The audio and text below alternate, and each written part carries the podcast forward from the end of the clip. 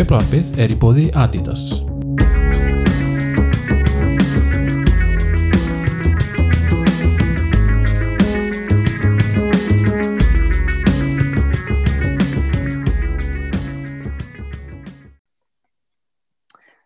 Velkomin í 90. þáttur á Djöflavarpinu.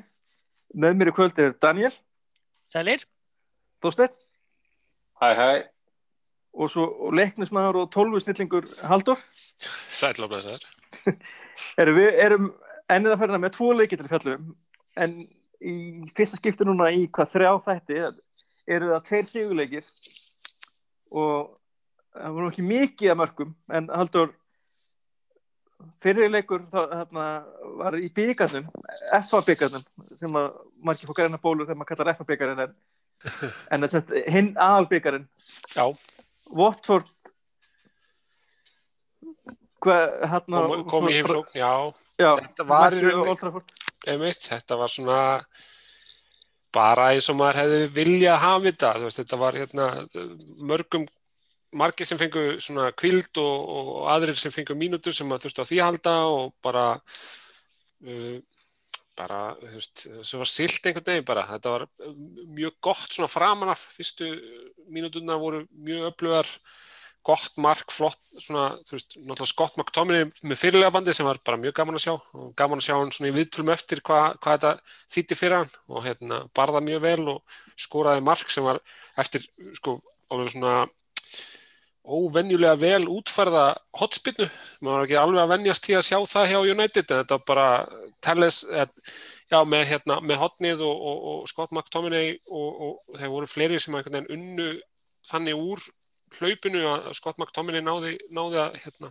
komast í skallan. Það var ekkert eitthvað besti skall í heimi en það, svona, það var það lélegur að það virkaði bara mjög vel. Hann endaði upp í, í samskiptunum, svo skallaði hann onni í jörðina og upp í, upp í skeitin og bara vel unnið og hérna, svo einhvern veginn náður ekki alveg að láta knýjafylgja kviði en, en, en þú veist, Watford var held ég ekkert endilega að spila á sínu sterkasta liði heldur og ég held að þeir hafa ekkert endilega viljað þetta var ekki, var ekki mest í forgangurinn hjá þeim heldur að komast áfram í þessari keppni. Það er svona kannski auka álega fyrir liði sem að hérna, vil freka vera bara nýta sína orku í deildinni. Þannig að þetta var svona bara já, liðin sættust einhvern veginn á það bara United ætti að fara áfram. Fannst manni sko. Það er svona stert náttúrulega að geta kvílt menn eins og hérna eins og Bruno Fernandes sem var allan, hann kom ekkert inn á, hann var bara satt á bekknum. Já, já, það var, það var í rauninni bara helst þetta, þú veist maður, það fór svolítið um hann þegar bæi mittist, þegar hann fekk hérna Henderson í, í hausinn og, og Maguire þurfti að koma inn á í hálfleik, það var svona, eða svona hérna rétt fyrir leiklega. Það var, hérna, hefði verið fínt að kvíla Maguire aðeins lengur og, og náttúrulega fyrir bæi að, hérna, þú veist maður, það svona, maður sá fyrir sér að hann, hann myndi missa fleiri leikjum, svo reynda var hann alveg mættur í næsta leik og eftir, þannig að það virtist ekkert vera eitthvað það slæmt, en, en það var, jú, það var fínt að geta kvílt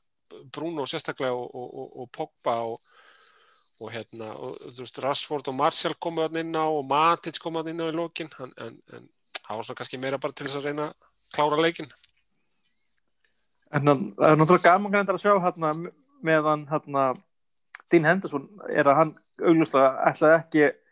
að fá þessi marki svo leik, það var gerðilega mikið kastmál. Já, og hérna, og þetta taktar hérna þegar hann reyna tekur bæ út, þetta er svona aðtil sem að hefði hef sjóma sér vel í Cobra Kai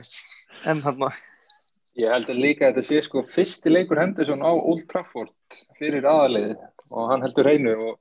hann var líka hann í fyrirháleik og kemst Ismail Sar svona í hálgert svona, að, þannig sé komin einn í gegn en búið að missa bollandandi langt frá sér og Henderson æðir alveg út úr tegnum og kemur bollanum í innkast en ég hef ekki sett ekki að gera. En var flottur í þessu leik fyrir utan kannski að hafa bomba bæði niður. Já, þessi betur fer hérna reyndist að hann sagði, talaði bæði reyndur um það bara sliknutilega að hann væri, væri alltaf leið með það það hafa bara svona vangar og hérna en, Daniel bæði hérna kom aftur inn í liði bara strax í næsta leik hérna mátti Burnley ekki satt. Og hérna það var nú meiri Ka- kannski eitt eh, áður við fyrir börnleikinu, eitt sem að mér langa svona aðeins að taka með í hérna, það var bara það var gaman að sjá Donny Van de Beek fá svona alvöru leik. Mér fannst hann komast vel út frá því og náttúrulega þessi þessi svona hæl snutta á mata sem hann á lokin þegar hann finnur hann einhvern veginn þegar hann kemur svona, svona flikk einhvern veginn sem augu í nakkanum og sendur hann inn fyrir. Það átti náttúrulega skilja að vera mark. Það var þannig að þú veist, það, það var svona kannski helsti kostunum sem ég sé við hennar leik er, þú veist, fyrir utan alltaf að hafa unni og allt það, er bara að hann hafi fengið svona alvöru leik einhvern veginn, þú veist, þannig að Ég, sá samt líka í þessum leik varandi Van de Beek að líka ástæða af hverju hann er kannski ekki að fá tækifærið í þessari þú veist, í tveggjamanna miðin eða vera þú veist, ekki í hólunni heldur í sexunni eða áttunni eða hvernig sem það er. Að hann er ekki að fá sjensin í þá stöðu í þú veist, öðrum leikjum út að ég sá average possession hjá honum í þessum leik þar sem hann var. Þannig sé að spila alltaf, þú veist, average possession var í hólunni á meðan McTominay var neðar á meðan Óli Gunnar vill vera með tvo holding nánast sama hvað þú veist, þegar Pogba er að spila þá á hann samt að vera meira holding. Þú veist, þótt þetta sé Vottort og alltaf þá veit ég ekki þetta er alveg mögulega ástæða fyrir af hverju Óli Gunnar treystir honum. Er, veist, er ekki alveg tilbúin að hleypa honum inn í liðið í þessari stöðu þess vegna fær hann alltaf að koma hana inn á inn í hóluna fyrir Bruno eða þegar þeir eru tvei bóðurinnar og það er annar þeirra út á kanti eða eitthvað svolítið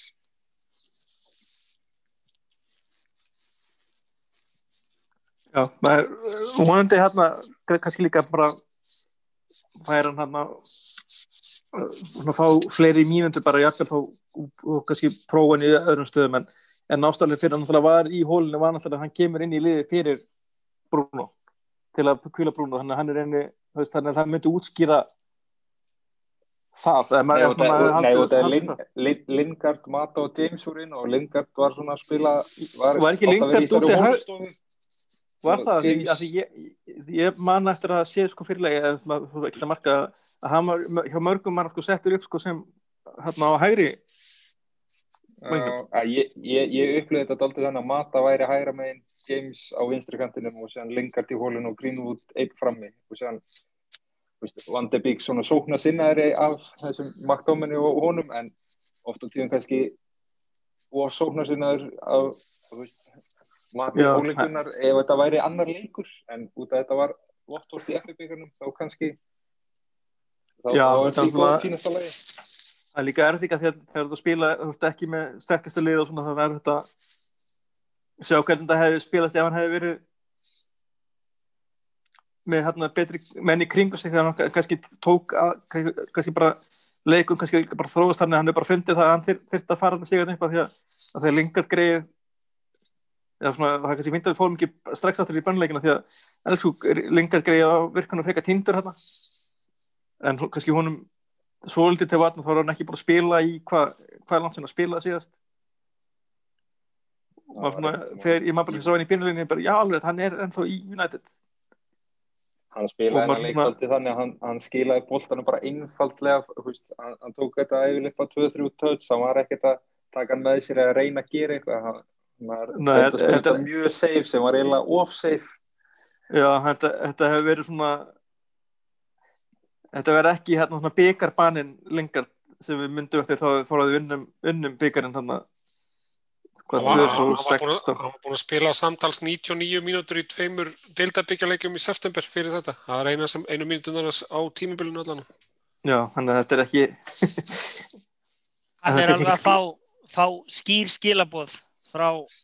frá normanninum sko. Já, ég held líka, veist, þegar þetta er eindirleikmóra þá,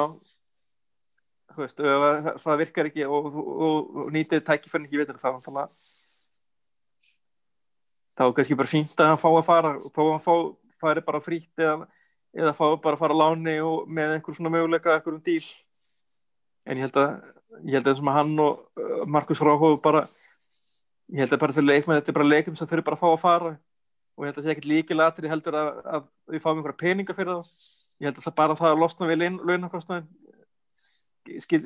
skilji hellinga því ég held að Lingard sé líka með 100-140 spundi eitthvað á viku, hann er með fárlega há laun sko. og er, og með hann spilar ekki neitt, þannig að þetta er svona, er dýrt. En það er alltaf líka, þú veist, það er verið margar eina svona mörgum endast mörgum svona slæmu svona fjárhasa ákvörunum hjá United þetta í samningamálum. Þannig að með 75.000 pund á, á viku hann er ekki, þú veist, hann er einhver starf í 16. og 17. sæti, þú veist, hann er ekkert eitthvað það hátt, það er svolítið ofmyndi hvað hann er með há laun, en þú veist, hann er bara með nokkur neginn á pari með, við hvað hlutverk hann er með, eða þú veist, hvað hlutverk hann ætti að vera með, hann er ekki með, hvað hann er að spila á þessu tímubili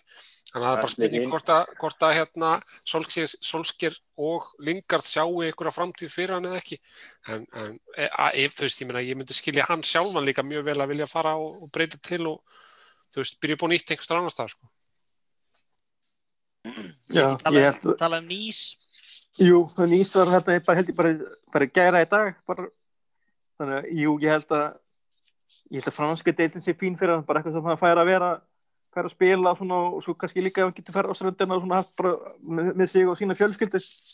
og þannig að það bara færi vel um þau í einhvers maður luxus, ég held að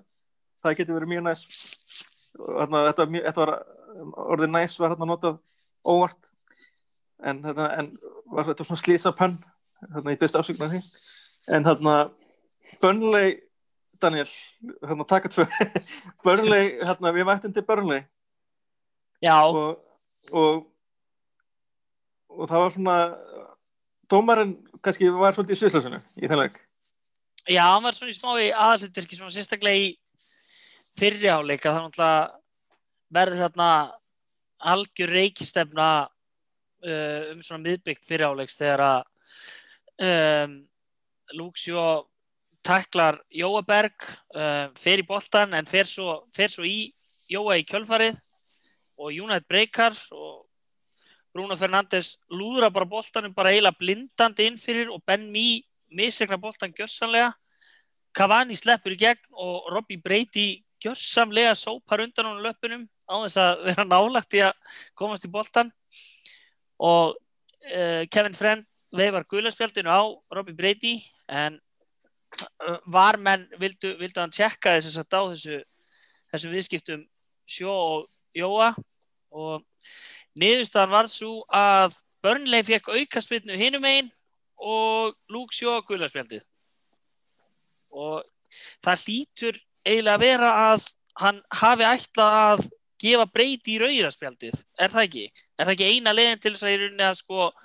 overturna öllu, öllu Nei, dæminu? Nei, ég held að overturna þá verður hann að hafa alltaf að gefa Luke Shaw rautt spjald Já, ok. Ég, ég, ég, það Það, það voru tvö atriði sem bæði þurfti að skoða af því það er það sem var getur gert, getur bent á possible red card. Þannig, en, það, en bæði þessi atvik voru skoðuð með það í huga að leikmaðurinn gæti fengið rauktspjall en það er En náttúrulega er galið að, að jú, hérna, fyrst að það tekur hann boltan og, og, og hann fer kannski að þarna í mannin í kjölfarið hérna, og, en þetta, þú veist, þú, kannski kannski gull, ég veit ekki, kannski sangjart ég veit ekki um það, en það þurrkar ekki út það að hættur við tæklingar sem að er ekki tekur aldrei boltan og er, þú veist er ekkert minna brot. Veist, að hann, hann framkvæmir tæklinguna, þú veist, hann er hann er galið að spjaldir þá ekki bara, bara báða, eða þú bara að gefa guldspjald líka þá stoppa leikin í hvað, sex mínútur bara til þess að hérna, breyta hver guðluspjaldi sem að ma, man, sem búið að segja manni alltaf vera ekki hægt. Mér fannst það einmitt að klikkaðast að í þessu öllu saman, hvað þetta tók allt saman ógeðslega langan tíma. Að, veist, hann horfði á þetta ég veit ekki hvað oft og ég, veist ég veginn, ég var ég enda áttaði mig ekki almennilega á reglunum í fyrsta leið, þannig ég vissi einhvern veginn ekkert ég, ég vissi hvaða niðurstöðu ég vildi fá í málið en ég, en ég vissi ekkert sko hver væri rétta niðurstaðan aftur á móti? Sko samkvæmt, samkvæmt reglunum uh, er það er hægt að bera þetta saman við hana, fyrsta leikin okkur á síðasta tímabili mútið Chelsea þá lendum við í svipuðu aðtöku og skorum mark. Það er nefnilega að þeir, geta þeir hefði ekki getað skoða þetta Luxjó aðtök við Jóberg ef að við hefum gefið boltan á einhverjum tímapunkti tilbaka en boltin röklast úr þessu uh, samstöði til Harry Maguire sem sendur beitt á Bruno sem liftur hún inn fyrir þannig að boltin er alltaf á leið fram völlin þetta gerðist á móti Chelsea í fyrsta leik og þá gaf mann man ekki hvort var Fred eða McTominay gaf eina litla sendingu tilbaka á poppa áður en hann Yes, frusaði yes, Rashford já. inn. Sem, sem, sem út af Harry Maguire hefði brotið á Tom, Tammy Abraham sem, og þeir gáti ekki skoða það út af því að þessi sending sem hann gefið tilbaka þá varð til nýtt moment samkvæmt var reglunum ég er nokkuð vissum að þetta sé ástæðan að við gáttu skoða Shaw atvikið. En síðan er líka þetta meta það þannig, þú veist, Shaw fer í þetta samstöð og boltinn fer þá raun og verið tilbaka. Er þá komið nýtt moment?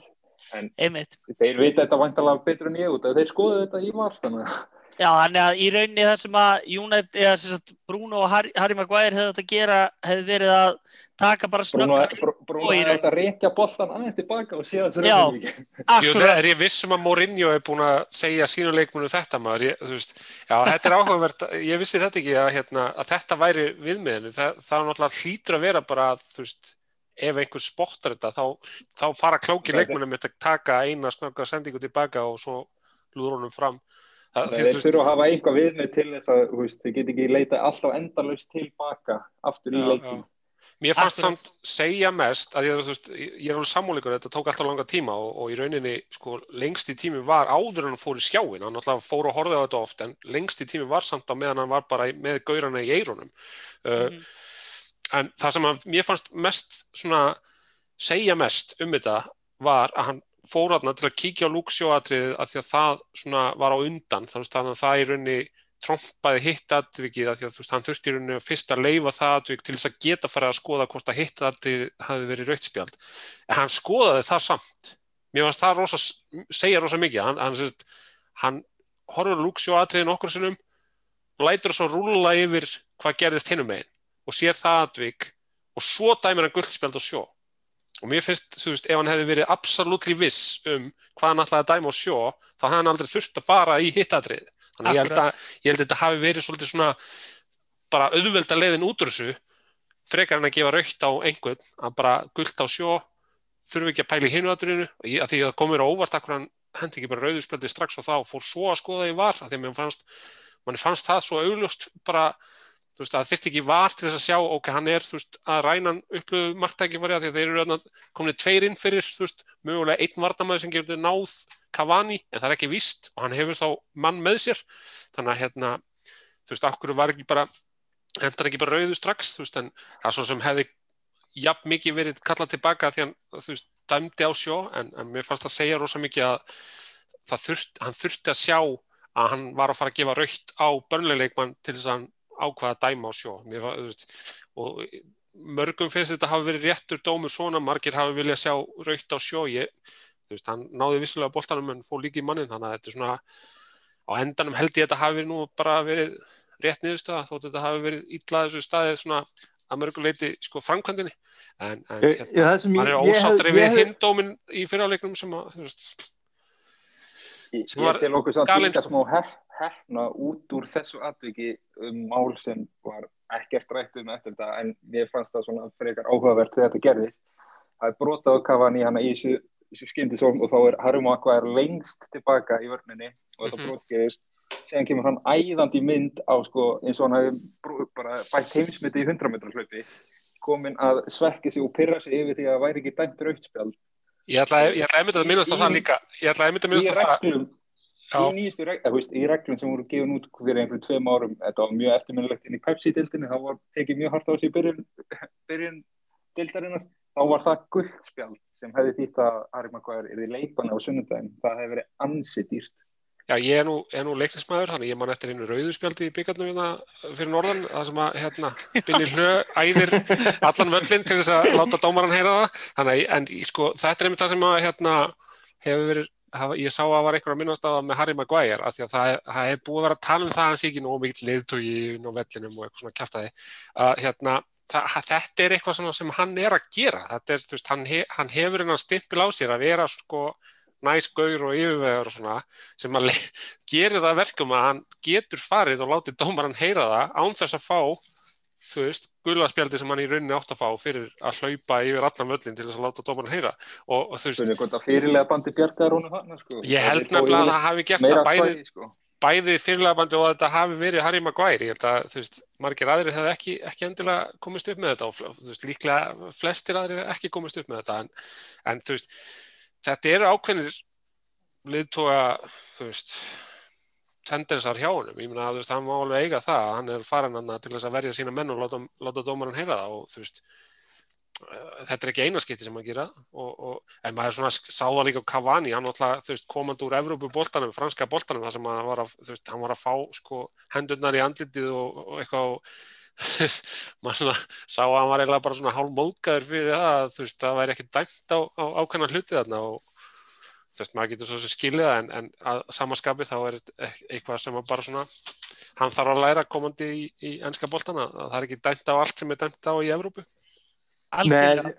en mér finnst það bara galið að þetta er, er tengið svolítið þetta umræðinlega eftir hann að eigur þann liðupóleik er að þegar Van Dijk eru, eða Pickford er raunlega ekki, fær ekki rauðspöld úr því að Van Dijk var ámstæður en svo þú veist, sem að ég held endur að dómarinn hafi ég held, ég sé ekki að bylla þegar ég held að dómarinn hafi verið viðkent mistök að það hef ekki reikið Pickford út af Jú, jú, jú.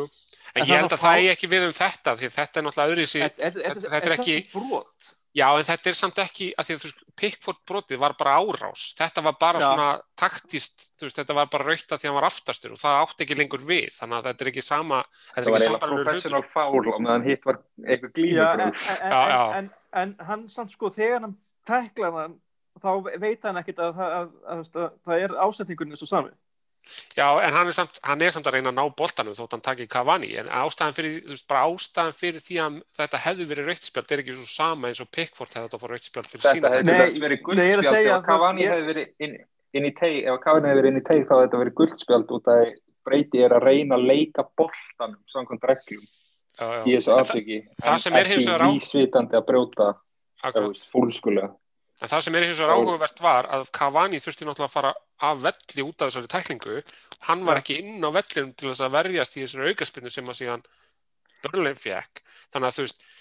það er svona, þú veist, að því að hann slapp við refsinguna fyrir tæklinguna en Cavani þurfti að taka út afleðingarnar af, af tæklingunni. Þannig að veist, ef að síðan, sko, að því að þeir voru fleiri í þessari aukaspinnu á, á mjög fyrir það. Og Jói Berg var bara áfram að minna. Hann þurfti ekki að, það var alltaf, alltaf lægi með hann. hann það er náttúrulega, er, er góð punktur af því að, sko, það er náttúrulega alltaf verið að tala um það, sko, að tæklingar þegar þú horfir á þeir í, í slow motion þá líta það náttúrulega hundrasinu verð út og þessi tækling sjó var sko, þú veist, þú veist, byrjar að geta sér pixlana á, á myndinni af því að þeir hæ, hæði þetta svo mikið niður. Þetta var nefnilega í rauntíma, þá var þetta bara svona greis á kálvan sko, þetta var ekki, Já. hann náði einhver, einhver svona absolutt solid kontakti á löppin á Jóa. Nei, þetta var ekki gróf tækling það er náttúrulega það sem er að finna við allt saman. Þetta er náttúrulega bara þetta hættulega að vera með löppina uppi sko, að, Já, að hérna... missir sólan upp rennir og svo missir hann sólan aðeins upp maður ma ma sér það svo auðvitað maður sér það meins í þessu endursyningum ég er þarna þessum hægu, hægu endursyningum er að maður sér hann er að reyna að fara ekki í mannin hann er svona dregandi hliðar hann er ekki að reyna að fara í fótinn á hann Já, þannig að verður, en þetta er, er, er aldrei gróf tækling, þannig að rauðspöld hefur bara verið skandal. Það hefur verið galið sko, að mínum að tenn, maður er náttúrulega með En, en með, með við þarna, með við hann var svona, ætla, vildi resa fyrir bæðið, þá finnst mér að báðið aðlega þetta fyrir guldspjöld. Ég er ekki alveg sammála því sko, ég sé ekki að hann hefði getað dæmt rauðt á, á hérna Segjum svo að Cavani hef bara miðst og bara ekki geta að spila meira leiknum, hef bara þetta að fara út. Já, en þú veist, þetta var ekki gróf tækling samt, þetta var bara það að hann var að stoppa hann þegar hann komast í gegn. Nei, en, en, það, en það er svona aflegging á, þú veist, ég meina... En afleggingin þarf ekki að vera, þú veist, það er ekki... Það er ekki alltaf, það, það, þú þarf ekki alltaf að vera ásetningu til að fá reittspil. Nei, en, en þetta ekki gróf tækling, þetta var bara, hann var að, nei, nei, ég er að segja það, nei, ég er að er ekki að tala um að reyna útafældir, ég er að tala um að hefði átt að fá guldspjald Já, ég held að, bara, ég held að get ekki átt við ef það er guldspjald nefn, já, já ég er ekki alveg samanlega en ég skil le leikun spilaðist og hvort ekki gerðist. En það var út af því að vara ákvað hitt var brot og þá er hitt ekki brot lengur. Þetta er bara gamla goða butterfly effekt sko, að þú veist annað gerist út af hinn Ég, ég, ég, ég er ekki hrifin af þegar varin út af svona Nei, þetta er, þetta Þú er ert að ekkert basically stoppa leikin í sko. 6 minútur út af einhverja nothing tacklingu til að reyna að finna eitthvað þarna til að þurfa ekki að reyka hinn út af. Já, og svo voru bara hvað, fjórum mínútum bætt við eða eitthvað. Já, Já, en það var eiginlega bara fí, ég hef bara verið sáttur við sko,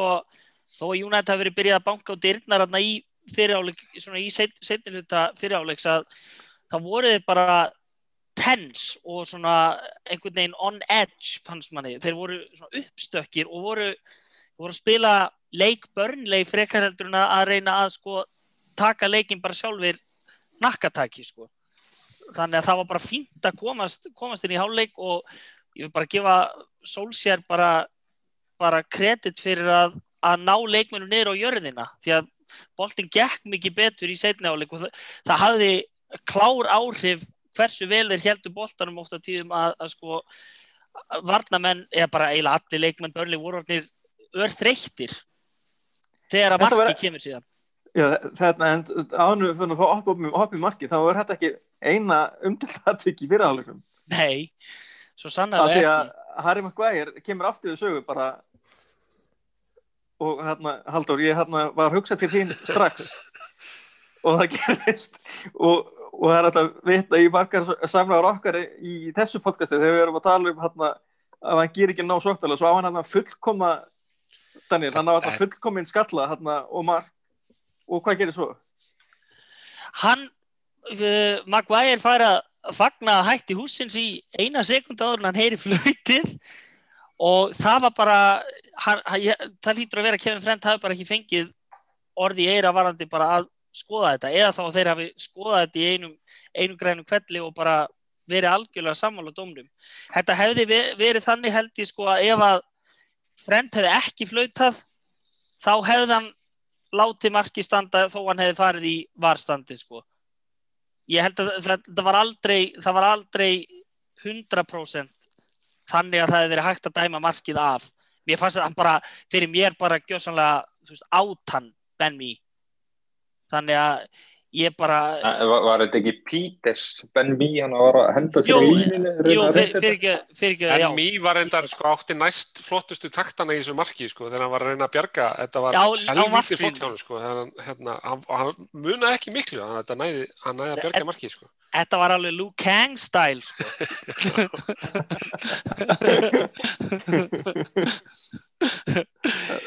Gott referens, takk Þó gætlir útráðs fyrir nöllan í sér þegar svona gerist. En, en hérna já, ég bara ég gæti ekki verið meira ósámála þessu tómi, ég var miklu miklu pyrraður yfir þessu heldur en heldur en reykistefninu hérna fyrir, fyrir leiknum þegar sjó endar, endar með að fá guðlaspjaldi En þetta er samt líka svona áhugaverður vinkill á öllu þessu, öllum þessum varpælingum er hvað, þú veist, hvaða línu er best að leggja til þess að síðan þurfa að snúa mögulega við eða ekki. Af því að þú veist, við sjáum til dæmis að núna eru sko að, hérna, aðstofdómarnir farnir að halda flöggunum niðri þótt að sé sko svo gjörsanlega augljós rángstæða bara því að þeir þóra ekki lengur að dæma rángstöður af því að þú veist þeir leifa bara alltaf sóknunum að klárast af því að það er svona það sem er í rauninni þú veist, það er verið að taka tilbaka, maður skilur það alveg. Þú veist, það er verið að taka tilbaka að vera búin að dæma rángstöðu og leikurinn hættir og það er síðan ránt, heldur hann að sleppa því að dæma rángstöðu og markið er skorað og það er síðan tekið tilbaka. Þegar þú- flaggar þá náttúrulega hefur áhrif á leikin Já, algjörlega, maður skilur það en síðan er það svona eins og þetta þú veist, ok, hérna það hefur áhrif hvað þú dæmir versus hvað þú dæmir ekki. Þú veist, það hefur bara áhrif á það hvaða línu þú leggur, ok, ég ætla að dæma þetta og svo skoða varða og þá þarf það, þarf það í rauninni alltaf meira til þess að snúa því við heldur en ekki. Þannig að, hérna, þú veist, eins og þarna þá, ég meina, auglustlega fannst honum hann sjá eitthvað sem hann, sem hann sá ekki, af því að þetta var bara glæslegt mark, en En þetta er svona bara áhugaverð pæling með það, þú veist, á, að, á alltaf að leifa markinu að standa og fara síðan í var eða á alltaf að, þú veist, dæma eftir sinni sannfæringu, þú veist, og, og svona, þú veist, þetta er svona bara einhvers konar svona, Mér, mér finnst þeir fara eftir öllum sínum protokólum í þessu út að þú veist, hann dæmir þetta og þeir geta ekki fundið næga ástæðu fyrir því að hann hafi ekki farið í baki á honum á einhverju hluta til þess að geta snúið dómnum. Já, ég, ég, ég, ég skil það, ég skil að það er erfið að snúa þessu við, þannig ég fatt alveg af hverju þeir vilja ekki snúa þessu við þegar hann er búin að dæma það. Hann átti náttúrulega bara ekki að dæma það til að byrja með, en ég er bara að segja að þú veist, aðri dómar hefðu ekki dæmt þetta. Þetta er bara svona, maður sér þetta ofta að þú veist, einmitt, þessa pælingu að þú veist, sko, maður, maður hugsa einmitt ofta að þú veist, ok, ef hann hefði dæmt á hinvegin þá hefði því ekki heldur verið snúið, þú veist, þetta er svona, og ég meina, þú veist, ég er ekki að segja að það sé endilega ránt, en ég er bara að segja að, þú veist, En þú ser bara hitt atvikið, hann dæmir eitthvað svona endar með því að dæma eitthvað allt annað. já, já, já, já. Ég get lofa eitthvað því að Júræja Renni hefði ekki dæmt aukarspilna á þetta. Nei, er Hann ég er sennilega að neita að fara í skjáin bara nei, Já, það er að, ég- þú veist, þetta er bara gott mark hann er, hann er slögt á tálstöðinni bara Nei, þetta, veist, ég, var samt, ég var samt merkilega lítið pyrraður af því að veist, sko, eins og ég upplifði þennan leik mér fannst þetta, þessi barningu sem að Daniel var að tala um, sko, mér, ég fílaði ég fílaði bara hvernig United kom inn í þennan leik og ég náttúrulega sérstaklega þegar síðan setni áleikur byrjaði og maður sá að þeir voru tilbúin að fara að spila meir í bolta. Mér, mér fannst það bara mér fannst það einhvern veginn dæmum uh, viðhorf sem að ég vildi sjá hjá liðinu þú veist, þeir voru bara að taka þetta til Burnley og ég meina, þú veist, jújú, sumi segja að þeir hafi spilað upp í hendurnar á Burnley, mér fannst það ekki, mér fannst þeir bara sína Burnley að bara, þú veist, þið ættið ekkert að búlja okkur, við erum mættir hérna og við ætlum að spila sama leik og þið, nema við erum bara betra fótboltalið, þannig að við ætlum svona líka að Það er auðvitað sko. hugafærsbreyting hérna á liðinu. Það er bara liðið. Ég fannst það nefnilega, ég, ég, ég var mjög ánæður bara og ég þótt að þetta mark hafi verið dæmt á og mér fannst það svekkjanda því að maður hefur fengið svona óþarlega mikið, mikla gaggrinni fyrir, fyrir sín leik að veist, þetta hefði mátt standa bara fyrir, fyrir það en, en hérna, ég hafði samt ekki áhyggjur af því að þetta myndi kosta United einhvern sigur í þessu leik að því að ég bara Æði, ég, maður hafði það einhvern veginn á tilfinningunni þegar maður á leik, leikinn og, og hérna, ég veit ekki hvort ég sé einnum en, en bara að þetta var alltaf að fara að vera United sigur. Og mér finnst Ja, bara ég- sérstaklega í setnáleik þegar þeir komu inn og, maður sá að þetta var bara svona ground and pound bara þeir voru bara eins og veist, einhver svona nefaleika kappi sem var með einhvern upp í köðlunum og var bara að láta svona body shots bara dinja á þeim bara til þess að vinna á þessu til þess að þú veist ná fram sigri og þetta bara, þú veist, það var alltaf að fara að koma sigur, þú veist, mér finnst þetta bara svona veist, Þetta var klárlega ekki einn af svo leikjum sem maður hefur hort á United það sem að það er hreinlega bara, maður veit að það er ekki að fara að skora. Nei, þetta var alls ekki þannig. Ég fekk aldrei þá tilfinningu þessu leik að við myndum ekki skora. Nei, mér finnst þetta bara alltaf- ég var ekki einu svona stressar í lókin þegar Börli var eitthvað að reyna einhvern hálófta bólta og koma með einhverja loftárásir inn í tegin, þú veist, mér fannst þetta alltaf bara, þú veist, myndi alltaf verða United sigur og ég veit að það verða ekki tannig í öllum leikjum, mér, bara, mér finnst bara eitthvað, það er einhver svona andi í þessu liði sem að ég bara ekki svona að dýrka, sko. Það er komið meira, meira svona gritt í hópinu og, og, og svona til þess að peppa Harry Maguire aðeins að þú veist, hann var, hann var algjör MVP í að, að hérna, vinna, vinna þessa baróttu við þessa turna sem þeir eru með þetta frammi. Það er ekkert djók að eiga við Chris Wood og Ashley Barnes þegar Nei, það er en- að boltanum fram á það. En það, Búljar. ég held að það hefur búljar. unni með okkur vannur okkur með okkur líka þá því svona leika að Burnley fyrir utan kannski Sheffield, hérna, hvað, Sheffield United er þetta eru tvö lélus og sóknarlegin í deildinni hvor, hvor sem er nýja mörg er reyndar, er, hérna, eru tvö sem Sheffield United mörgum gegn United en Já, mér finnst þeir eiga aðeins, aðeins inni. Ekki það að þeir séu endilega, endilega fara, fara að halda sér í deildinni, en mér finnst Sheffield United eiga aðeins meir inn og þeir eru nú aðeins, svona, spila aðeins áferðafallegri fótbolta. Já, þeir vilja, þeir vilja vera betri en spurning hvort að Burnley með smá peningum hérna, hvort þeir verði ekki hérna. Ég fekk bara stók, stók vibes í þessum börnleik. Já, ég, það er þau segir að það er samt eitthvað, það er samt eitthvað við svona lið sem er bara að vita nákvæmlega hvað þau eru og eru bara ekki að reyna að vera neitt annað. Algjörlega. Þú það er sko að hvað- hafa einhver svona lið í, í úrvalstildinni og ég meina börnlega er þú veist, já, já, það er ekkert vist að þeir endist eitthvað lengi í úrvalstildinni en það er bara, þú veist, þetta eru prófin sem að liðin sem ætla að gera eitthvað í deildinni þurfa bara að standast, sko. Algjörlega. er er þetta ekki bara svona eitt af svo liði sem maður, maður, maður, maður, er alveg sama hóttu falli en maður er líka alveg sama hóttu sé í deildinni. Þetta er, maður er svona aktivt hvorki hatar en ég elskar þessu liði. Þetta er svo lið sem bara Æsarinn jú, samt sko, tekur börnlega aðeins Ég held að þú myndir hata þetta miklu meira þetta lið ef það væri ekki Íslendingur í þá held ég að þetta lið væri tölverð hatara á Íslandi það er raunber vinni sko. Já, en en samt, maður, hattar alveg Evertón og gilfið þar. Já, en Everton er ekki að spila sko þetta er bara hrút þetta, er bara íslenski landslið við fullum Það í íslenska landsliðinu og er þetta sá fótbolti. Ég held líka að löngu Dice ég held að Sean Dice segir líka svolítið í þessu að því að hann er, þú veist, hann, það er eitthvað svona það er svona, hann er svona skemmtileg tilbreyting frá mörgum öðrum af þessum svona old school bresku stjórum sem að svona það er, ekki- ég veit ekki, það er alveg eitthvað við hann bara, kannski er það bara ég en, en hérna. Hann hefur ákveðin sjálfum og hann er Hann- hann, einn, af- einn af þessum sem er með þessum svona há, þessum ennsku svona há blóðþrýstings gæti fengið hjarta fyrir hverju sekundu stjórum hérna, sem er ennþá hérna, er Gríðarlega. af því, gríðarlega hljómfagra rödd en ég held að held að sko að öðrum ólöstum að hann sé besti enski knastbyrnustjórn í deildin í augnablikinu sko. mögulega. Gre Graham Potter já, en, Potter, já, en, en hinn er bara búin að vera svo lengi með þetta börnleilið og halda þeim í efstu deild á bara einhverju joke budgeti er náttúrulega já, og með sko en þú, það er eitt hérna fyrir ekki Daniel hérna, ég heit að þú ert ekki búin að fara yfir leikin, við erum ekki ennþá komin að markinu en hérna en það er eitt leikmann hjá börnum sem að mig mjög mikið í svo leiku og ég kom með mitt inn á það hérna í spjallun okkar yfir leiknum eða, eða hérna, mjög hans James, James Tarkovski frábæri svona leik Já, hann er mjög góður. Hann náttúrulega í stöðunni 1-0 þá bara bjargar hann börnlið þegar Martial er bara að fara að leggja boltan fram hjá Poppi í markinu af bara örstuttu færi. Fáránlega góð tækling, eiginlega alveg óþúlandi.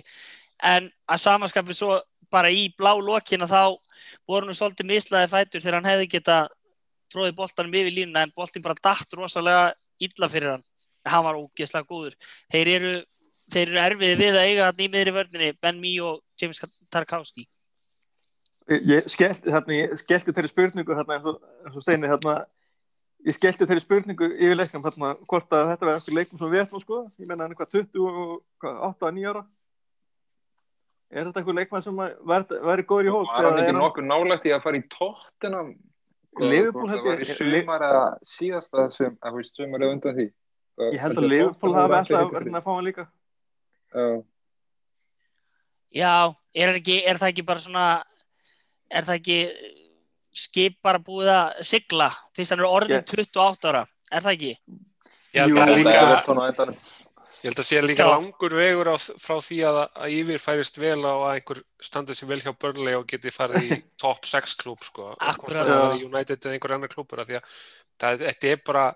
er hann, hann geti staðið sér hjá sko 14 af 20 klúbum í úrvalstildinni bara engar spurningar þú veist ekkert vafamál sko en, en bara, ef einhvað topplið getur að nú ætti að kaupa hann var kannski Arsenal sem er er með vestu varnalínu í að eða sem vilja verið top 6 en það er í sko, honum er það engin greiði gerður af því sko. að, hann, hann, er, hann funkar í góðu skipulagi, hann er góður þar og, og ég held að hann sé svona einmitt veist, bæti mögulega línuna í kringum sig sem er líka vel skipulögð en að henda honum að í svona- línu sem er illa skipulögð þá held ég að hann sé ekkit endilega að fara að töfra hana í eitthvað eitthva góða vörð sko Nei, ég fór, ég fór bara að hugsa skilur varnalínu kannski Maguire, Tarkovski þú veist, og Maguire getur verið þarna og Tarkovski getur verið þessi, þú veist í þessu hlutverki svona verið og gauður verður sem bara, að bí, og verður bara að býða til næsta æfingarleikja glugga í ænska landslínu þá kannski fæði þetta með var að fara sér Já, við, hérna, við, hérna, við, við þurfum eiginlega að fylgjast við, hérna, við þurfum að vona það. Þarna, og þá ræðum Ta- það en hérna, En taland um það þá náttúrulega spilaði bæ við hliðin á Maguire í þessu leik og hann, þeir virðast alveg svolítið komplimenta hver öðrum. Það já, er, er að þróast alveg smá samband þarna. Bæ náttúrulega er, hann er algjör joker stundum. Ég, bara, ég er ennþá held ég bara jafna mig eftir Chelsea leikin á síðustu leikti þar sem hann tók öfug skæri nánast inn í markteg til þess að losa sig við pressu en, en hérna hann er á sínum degi er hann bara frábær og það va- var að koma tölfræði bara inn á Twitter í dag þar sem að ég held að við séum með 10% betra sigurhlutall þegar að bæ byrjar heldur en þegar hann spilar ekki það er fokkuleg og mér finnst það bara hérna, á, sko, á sínum degi þá er hann besti varnamann í liðinu Já, minnst ekkert, ekkert, í það ekkert minnsta að ég að segja það. í það minnsta örglega, ef ekki svo besti þá allan svo skemmtilegasti Hann er alltaf svo skemmtilegasti. Það er 100%. en e, e, hann er ekki skemmtilegur eins og hérna, Phil Faces of Death Jones En það er líka, þú veist, að þegar í þessum leikjum, þeir hafa starta saman í 13 leikjum, Maguire og Bailey, og þeir hafa haldið hreinu í 11 á þeim. Þannig að ég held að, þú veist, það sem að, eins og ég minna Lindelöf, sko, þú veist, ég kann ágætlega við hann, mér veist hann, sko, betri en margir segja, þú veist, að mörguleiti, en það er einmitt, þú veist, þegar að, hérna, að því að Maguire er þannig gaur, að hann á alltaf að ráðast á boltana sem koma, hvort þeir eru í loftinu eða eða meðfram jörðinni og þú veist, við sjáum það á þessari tölfræði að það er engin miðvörður í ennsku úrvalsleitinni með fleiri sko skallægin við unnin eða interceptions, ég veit ekki alveg hvað er gott íslenskt orð á því, en hann, veist, hann kemst inn í sendingar. Er það inngrip? Inngrip, já. hann er snillingur í inngripum, en ég meina, veist, það er bara það sem hann á að vera að gera, að, þú veist, auðvitað er hann ekki, hann er ekki að fara að taka menn á sprettinum einhverja só, hérna, sóknarmenn sem eru sprettarðir, en hann er, hann er rosa góður í að lesa sendingar og, og náttúrulega eitraður í loftinu og það er bara, þú veist, hann getur skallabólta og, og grýpur inn í sendingar þegar það þarf og það sem hann þarf þá er að geta treyst á að mennirni frá aftan hann séu á réttum stöðum þegar hann næri ekki í sendingan og það er, þú veist, til dæmis hefur verið bent á sko, þú veist, þegar hann lítur illa út þá er það ekkert endilega að því að hann sé að tapa einhverjum svona boltum heldur að því að þegar hann tapa boltum þá eru mennirnir sem hann Vinnur enginn á- signiboltan. Já, það, men- mennirnir sem hann á að treysta á að séu fyrir aftan hann er ekkert endilega alltaf á tánum þar og ég meina, þú veist, það er ekkert endilega auðvitað væri betra ef hann myndi þá ekki tapa boltanum, ég er ekki að segja að hann sé eitthvað skuldlaus í því, en bara, þetta er bara svona spurning um svona heildar balans á vörninni og, og, og ekki bara, bara svona öftustu fimm í rauninni, þannig að, hérna, að, þetta, að þetta syngi vel og, og mann finnst þeim eins og þú varst að segja, Maguire Bay, Bay, Bailey syngi miklu betur heldur en Maguire Lindelöf Það er samt líka eitt, kannski svo við jörðum ekki alveg er statik. Nei, þú veist. ég var ekki að því Ég- sko, bara, Nei, ég, ég er bara að segja, um, um, mér við vera svona þókast að því, að, þú veist, já, já, já, að síðan, síðan við spilum á móti tóttinam, það eru 14 leikir, hörmungunar þar, þá erum við bara búin að tapa þessum Arsenal-leik og þrjú jafntöklu og svona 10 sigrar og bara búin að fá 13 mörg á okkur í þessum 14 leikjum sem við erum búin að vera mhm, og já, náttúrulega Lindelöf spilaði, það er raun og verið hægt að skipta sér tvent, er, er bæði ekki búin að spila einhverja 6-7 tæpa.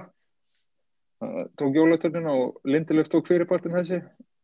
United er á hrikalega góðu skriði núna og stað, veist, þetta rekord í, á heilu tímabili það væru 90 stig í pókan sko, en þetta er náttúrulega bara 14 leikir en það er samt já, mjög gott veganesti fyrir sunnudaginn þegar við, við tölum kannski betur um það daldi á eftir áður en við tölum kannski um Pogba-marki bráðum Já, Já, þannig mark. við við erum ennþá, á bærinleiknum Þetta var ótrúlega viðburðaríkur eh, nú leitt leikur sko. En við erum ekki einu svona farin að tala um það hvernig staðan er á töflunni sko, veist, Já, það er bara, veist, það er eitthvað svona sem er haldið að við erum bara, sko, öskrað til að byrja með, veist, fólk Við- býði við- ofvæn eftir, að- eftir að heyra því hvernig leikurum. Við, við, hérna, við minnumst ekki það fyrir en að við- Daniel, maður heyrum hann smetla og opna Já. einum köld, eitt, eitt kaldan hérna í mikrofónin helst. ég, vil, ég vildi að ég gæti það vildi að ég gæti það en hérna, já, við sem sagt byrjuðum að banka meira og meira á dyrnar og Cavani kom sér í ágættisfæri en, en hérna náði ekki almennilega reyna á Póp og gerði mjög vel einu sinni þar sem hann fekk boltan eh, í tegnum og, og, og kött á vinstri löppina en, en skoti var síðan afleitt en svo á 71. myndu að þá vann Pogba skallægin við svona frekar ofalega á vallarheimlingi bönni og hérna Bruno fekk boltan og sett hann út á Rashford sem að sá nokkur hlaupin í tegnum en ákvaða að býða eftir henni margfrægu setnibilgi og þar mætti Pogba og hann lift honum út í tegin á hann og Pogba bara tvínónaði ekkert við hlutina og tók hann bara á lofti og hafði aðeins viðkomið í vardamann börnlegi og ég held að hann hafi farið í, í gegnum klofið á, á Pópo í markið. Svona eiginlega í mitt markið. En Pope var lagður á stað í hotni þannig að, þannig að við loksist drulluðum boltanum yfir, yfir marklínuna og þeir fögnuðu að hætti húsins félagarnir Pogba og Bæi Þetta var gífurlega sætt marka skora og líka 100% sangjönd. Já, heldur betur. Við börnlegi sko fram að þessu í setniháleik og eiginlega allan leikin en fram að markinu höfðu börnlegi ekki bóðið upp á nokkur skapaðan hlut fyrir utan eitt færi sem að það var annarkurt út eða barns sem að hérna, þeir linkuðu saman og, og bæi komst í veg fyrir skot sem endaði síðan yfir. Það var í fyrirháleik sko. En fyrir utan það var þetta bara ekki neitt og svo gerist það set, setna að hérna Marcial hefði geta gert út um leikin en eins og myndust á áðan að Tarkovski bjargaði bara meistaralega Tarkovski bjargaði líka meistaralega með að ná ekki betra skotið en í færinu sem þeir fengu Akkurat. Nei, það, það, var, það var ekki hann, var það ekki hann að Já, vítra, var það ekki vítra var það ekki vítra sem að Já, hann fekk líka gott verið en Tarkovski fekk eða boltan svona skoppand á móti sér fyrir opnu marki einhvern veginn. Já, já, já, já, já. og náðu bara einhvern veginn ekki að stilla sig. Ég held að það ekki eins og talið sem marktilurinn sko, þetta var það léleg Já, hann skautur um eiginlega bara upp í loftið. Ég held að Burnley var líka bara með eitt skot á markið eða eitthvað í leiknum. Sem heitti Ramman Já, já. að sangat húskort þá var ég með 0 á Ramman sko. Já, ok, eða það. Það er hérna lendadómurinn er því af hverju þau eru bara með nýjum örk eða kannski hefur komið í ljós En samt alveg fimm, alveg fimm er af sem voru sko blokkuð sko, þannig að þú veist, mögulega var eitthvað því á leiðina á ramman sko, þannig að ég veit ekki. Já. En það var ekkert sem að DG að þurft að verja sko. Það er líka eitt, eitt, eitt við marki sem við skorum. Rashford var nú ekki sérstakur ísleik en hann náði samt að leggja upp mark sem var þá, hann, hann á ennþá eftir að veist, hann er búin að annarkot skora að leggja upp í öllum leik, útileikim á tímabilinu í deildinni sem ég finnst magnað með að við hversu oft umtalið um hann að hann sé já, að þessi lítið lítið að koma út úr honum þá finnst mér það að vera afsannast alltaf enn frekar því meira sem líður á tímabilinu Já, þótt að, eins og við segja, hann var ekkert spesið í þessu leik, en hann lagði samt upp marki, veist, hann gerði, það er búið að taka umræðu um það á Twitter sér maður, veist, hann fær bóltan, hann hefði getað sendt hann inn býður, öll börnleiförnin droppar inn í marktegin og þá kemur Pogba bara skriðinu, veist, aðlein og hann tipar hann bara þanga. Þetta var bara ógeðslega vel gert og, og það er náttúrulega stór ástæði fyrir því að Solskjær heldur honum inn á, þó hann sé alls ekki eiga sem besta dag, að það er alltaf þetta eina móment sem að svona leikmenn geta átt inni. En Pogba var frábær í leiknum aftur á móti. Ég finnst líka rass Hann var stórgóðsleir í setniháleik Já, bara eins og að liðið hann var, hann var. var líka góður í fyrri bara á öðru sér hátt. Hann var í, þú veist Ég- Nei, ég Hann var sé í- sko, hann var hann var en nei, það er í setniháleik sem hann bara taka þetta yfir leikin Já, algjörlega, mér fannst hann samt líka að því að þú veist, hann var, hann var að skapa og allt einhvern veginn að rúli í gegnum hann en hann var líka að sinna þessari vinnu, sem var, þarf að var sinna. helviti duglegur í barningnum í fyrirháleik, hann var svona einn af okkar öflugustu, hann og Harry Maguire í fyrirháleiknum í að, mattsa börnleik í þessum barning sem þeir vildu vera í þá voru þeir svona fremstir flokki í okkar liði. Mér finnst líka mjög flott, það var uh, sókn sem var held í alveg í setnáleik þar sem að hérna uh, DG er með boltan og hendur hann svona næri einhvern veginn að henda yfir hvort það er bránheili einhver á miðjunni sem var hérna að- eiginlega að dekka Pogba. Þannig að DG gefur hann svona yfir hann beint á Pogba sem fer síðan upp og það, það var hérna þegar Cavani fekk svona skot sem hann einhvern veginn hálfpartinn kiksaði að því að það var veist, eitthvað svona deflection á fyrirgjöfinni en var samt fínt færi. Og þú veist, þetta var einhvern veginn finnst þetta svo gott svona uppspil einhvern veginn þú veist, og svo var svona annað færi það sem að hérna,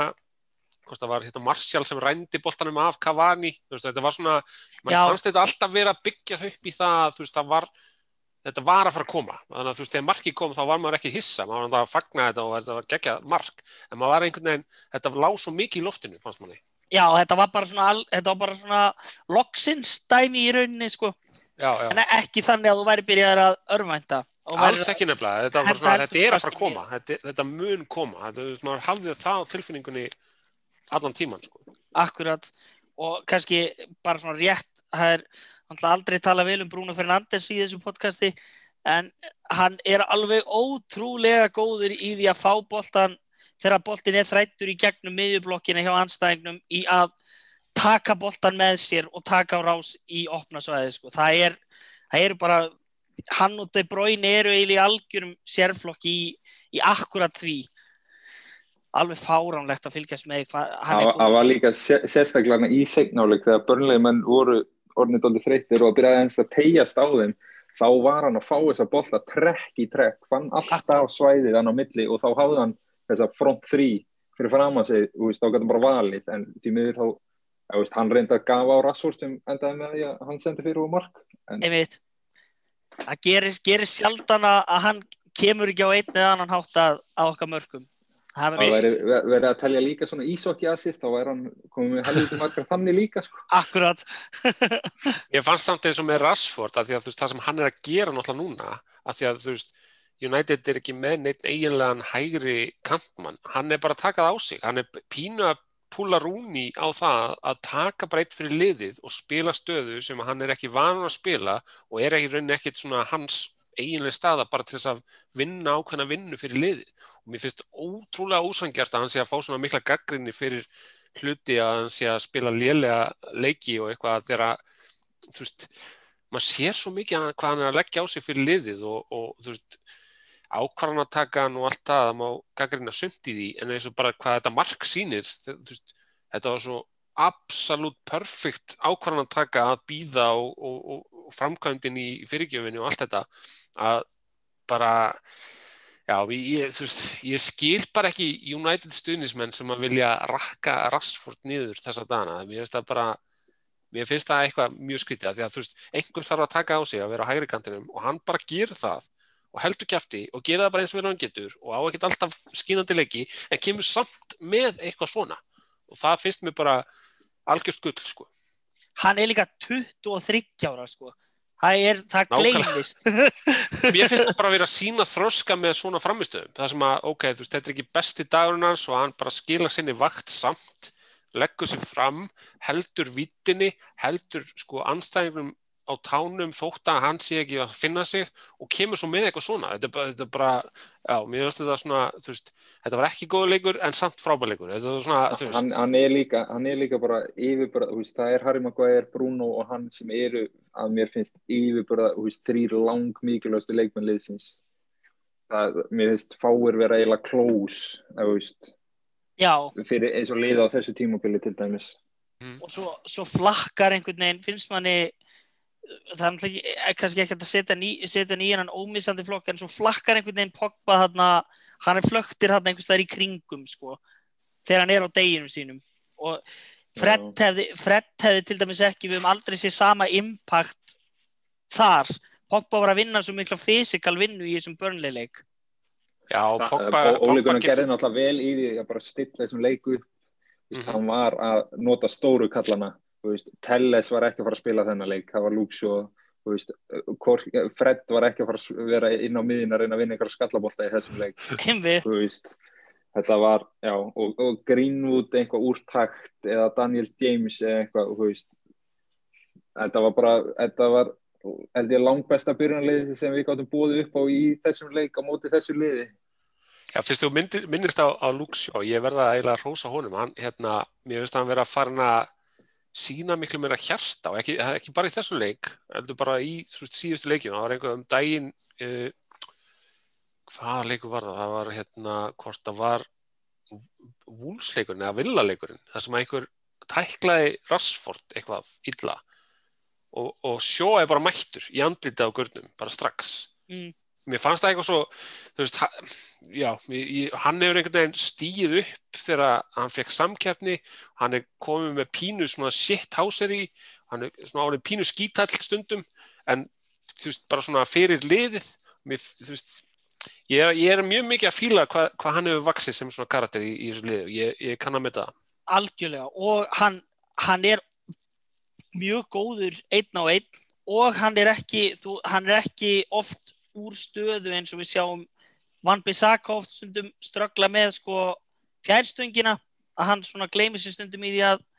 vera í ballwatching og, og allt og nálægt miðverðinum að þú, þú fær það ekki oft frá Luke Shaw, hann er ótrúlega stabíl varnarlega finnst mér Já, var þarna þetta, veist, þetta klippu sem gengu, ekki, eftir tóttanleikin þegar allir Já. voru bara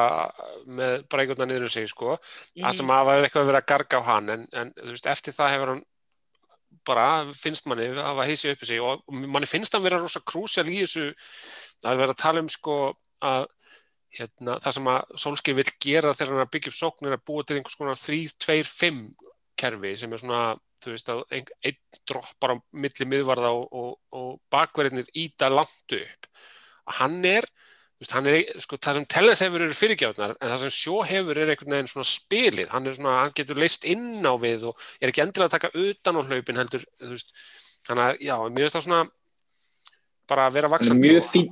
svona batti fram á hann er svona batti fram á við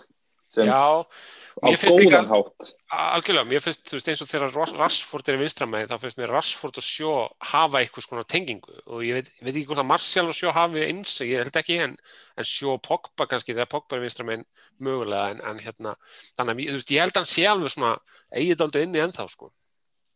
Algjörlega og hann er, hann er alveg svona deceptively svona lúmst snöggur. Það er alveg bara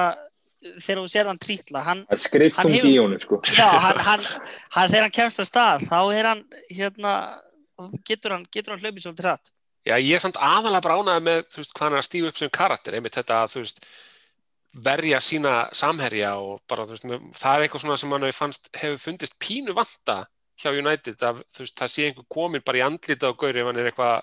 pínu að tækla einhverja, einhverja leikmenn, þú veist, sé, þú veist, að sé þannig að Rashford viti það ef einhver er að fara að tækla sig að þá komi sjó bara í andlita á gaurnum og bara, þú veist, hann var reynda svona pínu heppin að fá, þú veist, ég held að ekki einu sinni fengið gullt spjald fyrir það, ég held að anstæður hann gullt spjald fyrir það, þetta var hérna, skrautlegt aðrið, en og líka bara í þessu leik og þú veist, mann fannst svona já, ég er ánað með það, ég, þetta er svona karakter sem þarf og þetta er svona, kannski bara svona merkjum samheldnuna í liðin einhvern veginn, að, að, veist, hann er ekkert svo eini sem er í þessu, en mann fannst svona veist, hann hefði ekkert alltaf gert þetta held ég, sko, en veist, þetta er svona, hann er að pínu stígu upp með þetta, finnst mér. Lingard var að vinna svolítið með þetta en maður, ég hef samt einhvern veginn ég hef meiri trú á Luke Shaw ef það kemur til handalögmála heldur en, heldur en Jesse Lingard. Ég, get alveg sé Luke Shaw fyrir mér í, í, í barslag Já, Lingard myndi vilja taka þetta í eitthvað svona dance-off en, en, en sjó myndi bara taka, taka eina nefasamlokur Já, mun, mun, munurinn er sko er að, hérna, að Lingard er breskur en Luxo er breskur.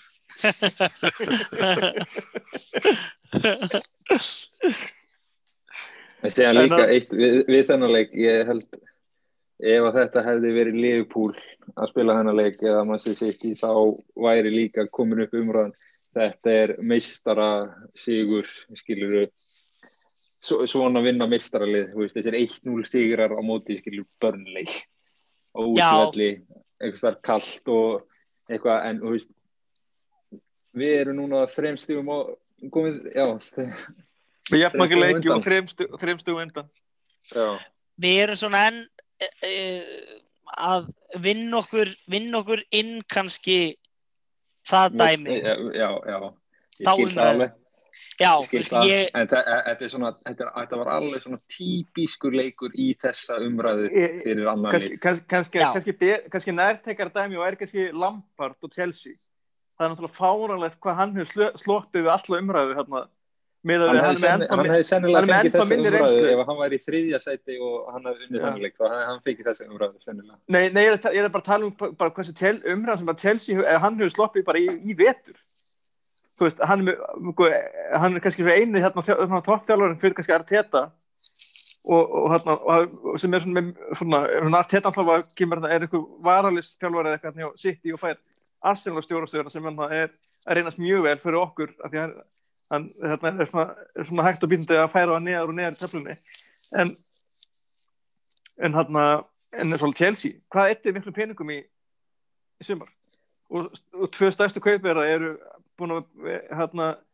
eru bara, skjóta bara púðuskotum Já, þetta er hann, hérna Lampard er hann ekki búin að tala um það hann, hann átta sig alveg á því að hann veit hvernig hlutinni virka hjá Roman Abramovic að að, e, samt ekki, ég held að sé bara fullt að sem þetta hefði verið einhver þetta ekki er Frank Lampard, þá væri rauglum að reka stjóran já, ég, en ég Ég held held að að það það sé með vestast, vestu stigasöfnun, ég minna að ég hafi séð það einhverstaðar, að hann væri með vestu stigasöfnuna af þjálfurum síðan Róman tók við, sko. Þess að það er núna ég- á þessu tímabili, sko. ég held að það, Og- spil, það þú veist og það hann ætla bara spilar inn í að hann er Frank Lampard en ekki, þú veist hvað, hvað annar stjóri sem er hann er ekki Andri, Andri Vías Bóas veist hérna hann er, hann lifir náttúrulega lifir náttúrulega á því að vera club legend. Já, svona, ósu, hérna, en er bara nefnilega, eins og umræðan hefur bara verið all, allt við og meins og sumur stjórnum með United hérna, bara eftir hérna, byggarleikin hérna daginn hérna, er að tala um bara að reka sólsker og eitthvað og svona, þetta er bara er, þetta, er- þetta hlýtur að tengjast bara hvernig samfélagsmiðla eru í dag þetta er bara þetta hvernig fólk verður svona, verður, verður svona Trump geðsuglingar svona, verður bara fólk bara svona heila er bara einhver svona einhverju kontenti sem er svona bara ótaði að þeim í gegnum einhvern svona, einhvern svona algoritma. Og fólk bara verður bara missi bara þetta tengslur umverðarleika Já, þetta er náttúrulega þessir, þessir hérna, Love United Hate Glacier uh, akkántar á Twitter sem að eru algjörir algjörar Mourinho sleikjur Ég, það, það, það mun engin geta útskipta fyrir mér þannig ég skilja það. Nei, e, e, ég, ég reyni það ekki einu sinni. Nei, og, og, og, og langar heldur það langar heldur ekki að skilja það. Að, að þetta að halda þú veist, með einhverjum stjórum eitthvað, staðan halda bara með held sliðinu. Já, það er að e- einfaldast. það, og menn, að fólk að býða eftir því að og, að, og alltaf eftir tapleiki þá er alltaf menn mættir sko, að fólk mætt þarna, yfirleitt menn eð- þarna, þetta er yfirleitt einhverju gaurar sem eru svona vantar yfir, þá er alltaf mætti einhverju gaurar og tala um hvað kalla hann einhvern þjálf einhvern PE teacher og einhvern hann kæftaði bara, ég meina, hvað þarf hann að gera meira í rauninni? Ég meina, það er, augljós framfæra líðinu það er nefnilega og, hérna, og, og það er hérna við um hérna, ég ætla að týsa því hérna núna fyrst að hérna stýtti síðan að það er grein á leiðinni hérna á síðinni sem að kemur vonandi í næstu viku. Hérna ef ekki um helgina fyrir til hvernig leikum fyrir sundag hvað kom, bara á söndaskvöldið en hérna við erum eitt með grein um sólsker sem að er á leiðinni sem er skemmtileg. Hérna það eru nokkrir akkur sem að skrifa niður á hérna svona álit á hvernig hann hefur staðið sig og svona mununum honum og morinni og alls konar skemmtilegt. Þannig að það verður eitthvað til að kíkja á rauðdjöfl.is og, endilega tekja því og við munum plugga það þegar það kemur en hérna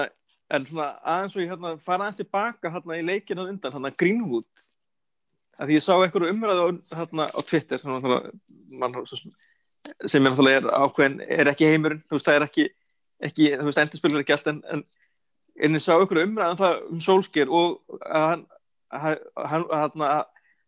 hann, hefði ekki stansunum vel að því að, að, leik, að leikmenn hefði ekki að taka framförum og, eitthvað svona, og svo fór að taka eitthvað með sem grimmut sem dæmi en, en þú fyrir bara að hugsa fyrstulega kæftaði að því að það er ekki hversu margir leikmenn þú hóður bara byrjulega þú veist hvað vil taka margur dæmi með leikmenn sem það tekið framfæri en En líka við tökum Mason Greenwood, það er einn statik sem ég sá með það, þetta fræga XG sem er svo vinsalt núna. þú veist hvað ég eitthvað elska tí- þú veist, þú veist hvað ég Já. elska FG það er bara mitt í heiminum En, ég, ég, að- það var svona gott sem ég sá, var hann ekki með tíu mörg á síðast tímafél í deildinni? Hann skoraði þessi tíu mörg úr færum sem XG var upp á held ég, veist, fjóra eða eitthvað. Þannig að út frá því voru skotin hans, þú veist, jú, hann er mögulega það góður í skotum en kannski að overperforma á sumum stöðum á síðasta tímaféli en hann alltaf meira búið að spila inn í á þessu tímaféli heldur en eitthvað svoleiðis. Það er andlót vinar og Íslandsferðin og ýmislegt. Já, Já, þetta er hann er bara einhvern veginn enn að, enn að svona, komast í takt við tímabili finnst manni. Já, líka, svo getur líka hreinlega bara verið að, að það að hann sé að taka smá bakslag á tímabili sé kannski ekki Solskjaer issue, það getur heimlega bara verið Greenwood issue. Þetta þetta er náttúrulega þarna, þetta er náttúrulega ekki heilulegt tæki þarna, þetta er náttúrulega fólk Nei og mér finnst Svo- einhvern veginn galið, mér finnst galin umræða að, að hérna sko miða við hversu margir hafa bætt sig undir Solskjær að Já. ætla Solskjær það að geta ekki bætt Mason Greenwood. Mér finnst það svo, það bara glórulust. Það, Mason Greenwood sem er, sem er hvað, á, hvað 19, er hann orðið 19 ára, er hann 18 ára, 19 ára uh, hann, orðið 19, ég held það. Jú, hann Hver- var 19 fyrsta. í oktober er það ekki, Jú, fyrsta oktober, fyrsta november ekki, í Október. oktober er, er- þetta er bann þetta er bara bara, við skulum aðeins fara að slaka á við skulum gefa hann allan á 2-3 ára viðbót. Við erum ennþá að býja eftir að Lingard springi út hann er fór krængallut og hann er 20 og hann er 27 ára það er alveg að koma. Ferguson sagði að hann er, ætti að vera tilbúin 23 ára og síðan byrjaði hann fyrsta leikin sinni í deild 23 ára hann og Lú Vangar, fyrsti leikur Lú Vangar í deildinu, var það ekki? Jú, hann meittist spila- í honum. já, hann Já, spilaði sem hægri vingbakk Já, þannig að það er einhver meginn þá hann hefur, átt moment en ég held að ég held að hann hefur bara hreinlega því miður, leiðilegt að segja náttúrulega en ég held bara að hann hann var aldrei nógu góður fyrir United en, en, en svo þá þá sem einhver landsleik ég held að það segja náttúrulega bara miklu meira um enska landsliðið að stöðuna og stjórnun og stöðuna þar heldur en eitthvað annað. Það var hérna eitt, tí- það er sannlega tímabili sem við lendum í öðru sæti undir Mourinho. Að þá skora hann örgulega 13 eða 14 mörk í heldina í þá, þá var hann okkar svona, hann var mjög sterkur tólti maður á því tímabili minni mig. Já. Þá vonaði maður svona kannski hann gæti bara orðið einmitt,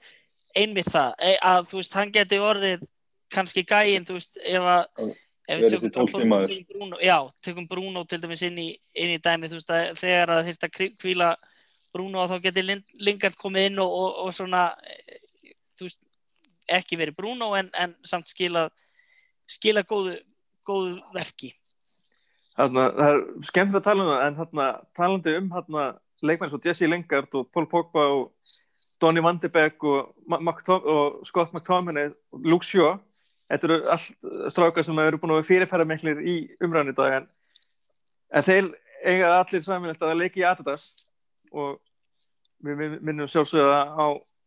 netvöslun Adidas og Jóa útherri.is og músík og og náttúrulega Jóa útherri niður í- hérna, í Reykjavík og músík og sport í Hafnafyrði þannig eftir hvað þeir eru stödd og þeir eru á landsbeinu þá náttúrulega bara Jói útherri.is og músík og og eða hreinlega bara Adidas.is Og ég það um- útsölur í janúar og þetta er bara útsölur og- tími til þess að fara að kaupa sér eitthvað eitthva stöf sko. Og, betur. ta og tala ekki um þegar við erum að tala um sko topplið á Englandi. United hérna, hérna kallaliðið er loksins orðið jafn gott og ja, jafn að það árangur eh, þeir svo tímbil og komst toppstöti þannig að það er gott að þeir eru búin að taka smá catch up en hann er þannig, ef það er, það er ekki orðnaður uppsöldar þá mæl ég endrið með hérna með zebra búningum að því að við, það er bara með betri úrslutum hjá okkur í þeirri treyju og hérna ég Það segi mér var eins og að spilaði hjá Juventus í þeirri treyju, en það Já. lík treyja. ég segðu og það er þess að svona Pogba er svona góður, það eru bestu leikir hans eru í Já, að er þetta galið að séu ekki fleiri í Predator takkaskóm í United-liðinu Van Bissaka ég- er ég- sennilega miklu betri í fyrirgjöfum eða hann færi bara Beckham-leiðinni sem frekar heldur en já, að hann vera í fær, fær í ég Nemesis. held að, ég held að Ég, ég ætla ekki að tala niður Adidas en Predator núna er ekki að sama og Predator var hérna fyrir tíu árum. Það er kannski, kannski, á, á, kannski ekki jafn svona brautriðandi. Hérna, fyrir ég er með aðslíðinu, hvað segir sparkar hann út nei, nei Predator, nei, þeir samkvæmt að alltaf svo er Predator mjög gott, betra heldur en í gamla daga Ég er meiri kópamaður. Ég er meiri, ég er meiri kópamaður. ég, ég, er hérna, það nefnir sér skot mér finnst mér og X skotir hérna mitt og sumir Predator skot, skotir finnst mér geta verið töff en ég er alltaf bara Ég er alltaf mjög svag fyrir þessum, sko- það er alvöru swag yfir því, finnst mér. Já, ég, ég er sko hérna, trellu sko, þegar þeir eru hérna þessu svörtu, hvítu og rauðu hérna, hérna klassiska lúkið, er náttúrulega, held ég, svona uppáhalds. Minnst þið með að fara bara kannski svolítið back to the basics, svona að sé þar. Við kannski sk- reynum að skjóta það að, að, að þeirri hugmynd til er að að fara að taka svona retro Rettur er alltaf vinsælt. Já, algjörlega. En, Algjörlega. hérna, Og þeir en þú- þessu til Þýskaland síðan. Þessu en við Já. vindum okkur í hérna umræna, við erum á tóknum. Allavega allavega í þrjá dagi viðbúð. Já, Og maður þarna- svona, veit ekki, maður að vera gladur og hérna bara frábært að vera svona seint á tímabilinu og þó er það nú ekki einu sinni hálnað að hérna, en þetta bara sýnir, finnst manni svart á hvítu að það er nú, það er nú auðvitað einhverju góður hlutir að gerast undir stjórn Solskjær. Uh, en Og það, og það er ekkert að, það, það, og ég þólaldri hérna umræðan alltaf þegar Júnætti gengur vel eða gera eitthvað svona, þá er það alltaf, alltaf, út af því að hinleginu frílega, það er, það er þannig í öllum íþjóttum og, og, þú veist, með öll lið, eina ástæð fyrir að Liverpool vann deildina 20 stegum voru, að því hinlegin voru ekki ef góð. Veist, að, en, en það er alltaf með bara að tala um þetta þegar United kemst á toppin eða þegar United þetta næri öðru setinu en það er bara því að hinlegin voru svo léleg, en það, það er það sem þetta gera til að vinna, ég menna,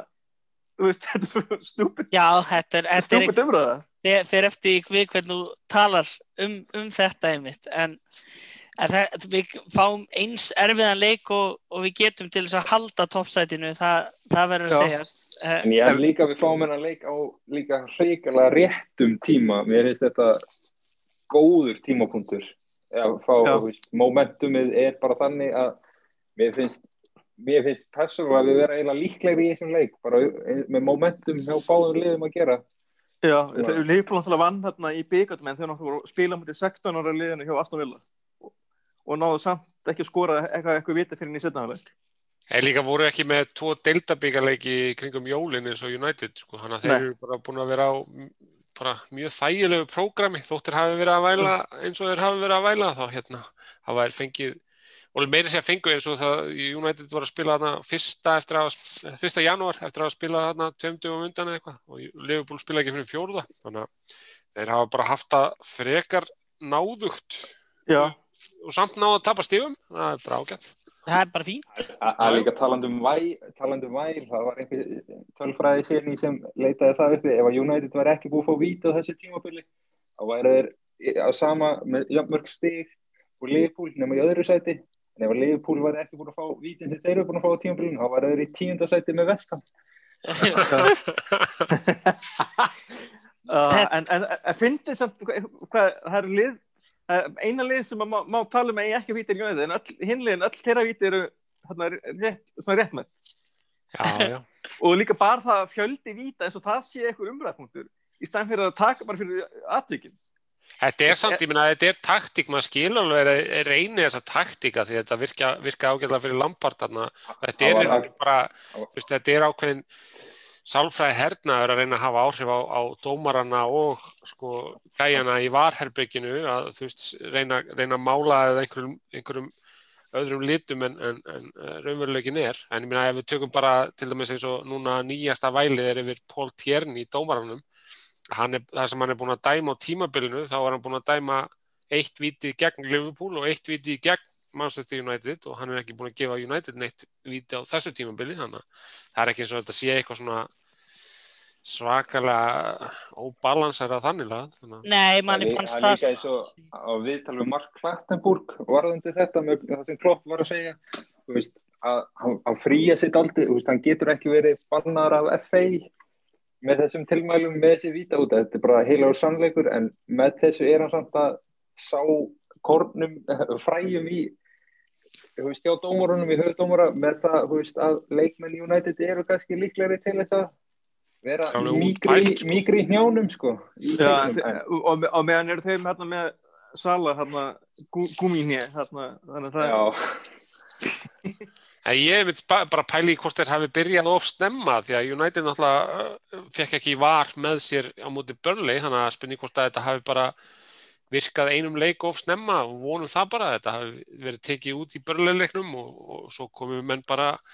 með reynd borði í, í Liverpool-leikin og hérna, fáið þá dóma sem þeir eiga skilið. Já, Ég er vona við verðum samt bara algjörlega lausir við þess að var umræðu í næsta þætti varandi Liverpool leikin. Ég held samt það. sko, ég held að þú veist, það, það þyrfti einhverja vinna í Jones tæklingu meiri sé að það myndur ekki, ekki, ekki duga til að Liverpool er ekki, stuðnismenn Liverpool er ekki sturlaðir ef að United fær víti í leiknum. Þú veist, ef þú myndir taka eitthvað svona eins og hérna, það er gömul tækling af Vinnie Jones þegar hann heilsar upp og Erik Cantona í byggarleik hérna Wimbledon mæti United sem að hefði verið sko þrjú rauðspjöld í dag og þú veist, það þyrst ekki það, þú veist, meiri segja svo tækling hefði myndið fá sko við, þau viðbröða að United væri með dómarinn í vassanum og eitthvað. Þeir, þeir eru bara svo tilbúnir fyrir það að United fái viti og þeir ætla bara mótmæla í alveg sama hvað það er sko. Það eru, alltaf, eru svo margir ekki það að United stuðningsmenn séu eitthvað hérna einhver undantekning hvað varðar fjölda rasshausa en þeir eru bara svo oft tilbúinir að vera einhver eilíðar fórnarlömb og það er, það er alveg ótrúlega, ótrúlega mikið krinnstundum að, að hlusta á en svona varðandi leikin að þá er ég bara ja, bjart sín og fyrir síðustu miljónferðir á Anfield. Ég er aldrei bjart sín fyrir þessa, fyrir þessa leiki þó að hafi náttúrulega sitt að segja að það verði engir áhörvendur en þeir eru einhverjum sem á, á hérna góður önni á Anfield þó að, þó að þeir hafi ekki haft koppa bak við sig. Nei, og, en, hérna, en svo hérna mætuðum aftur bara strax næstu helgi Já, eftir, og svo þá mætuðum í byggandum þannig að það, það er Old Trafford. Þannig að að- það verði ekki svona smá hangover eða svona þú Já, veist, ég, ég, ég, ég held að fólk verði bara svona æ, ég nenni við enninu United Liverpool. Æ, koma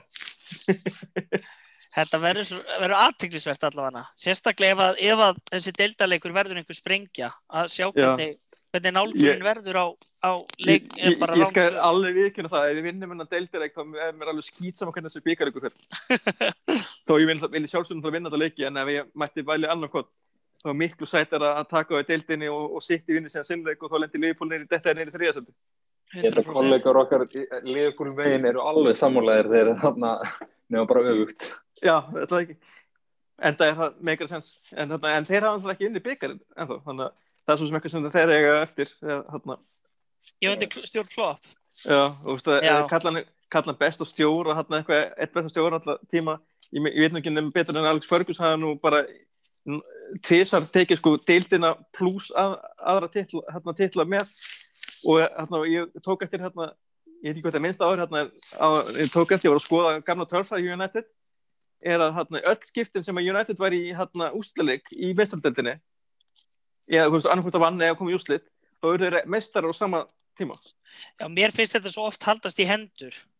E e ekki, ekki hjá öðrum liðum.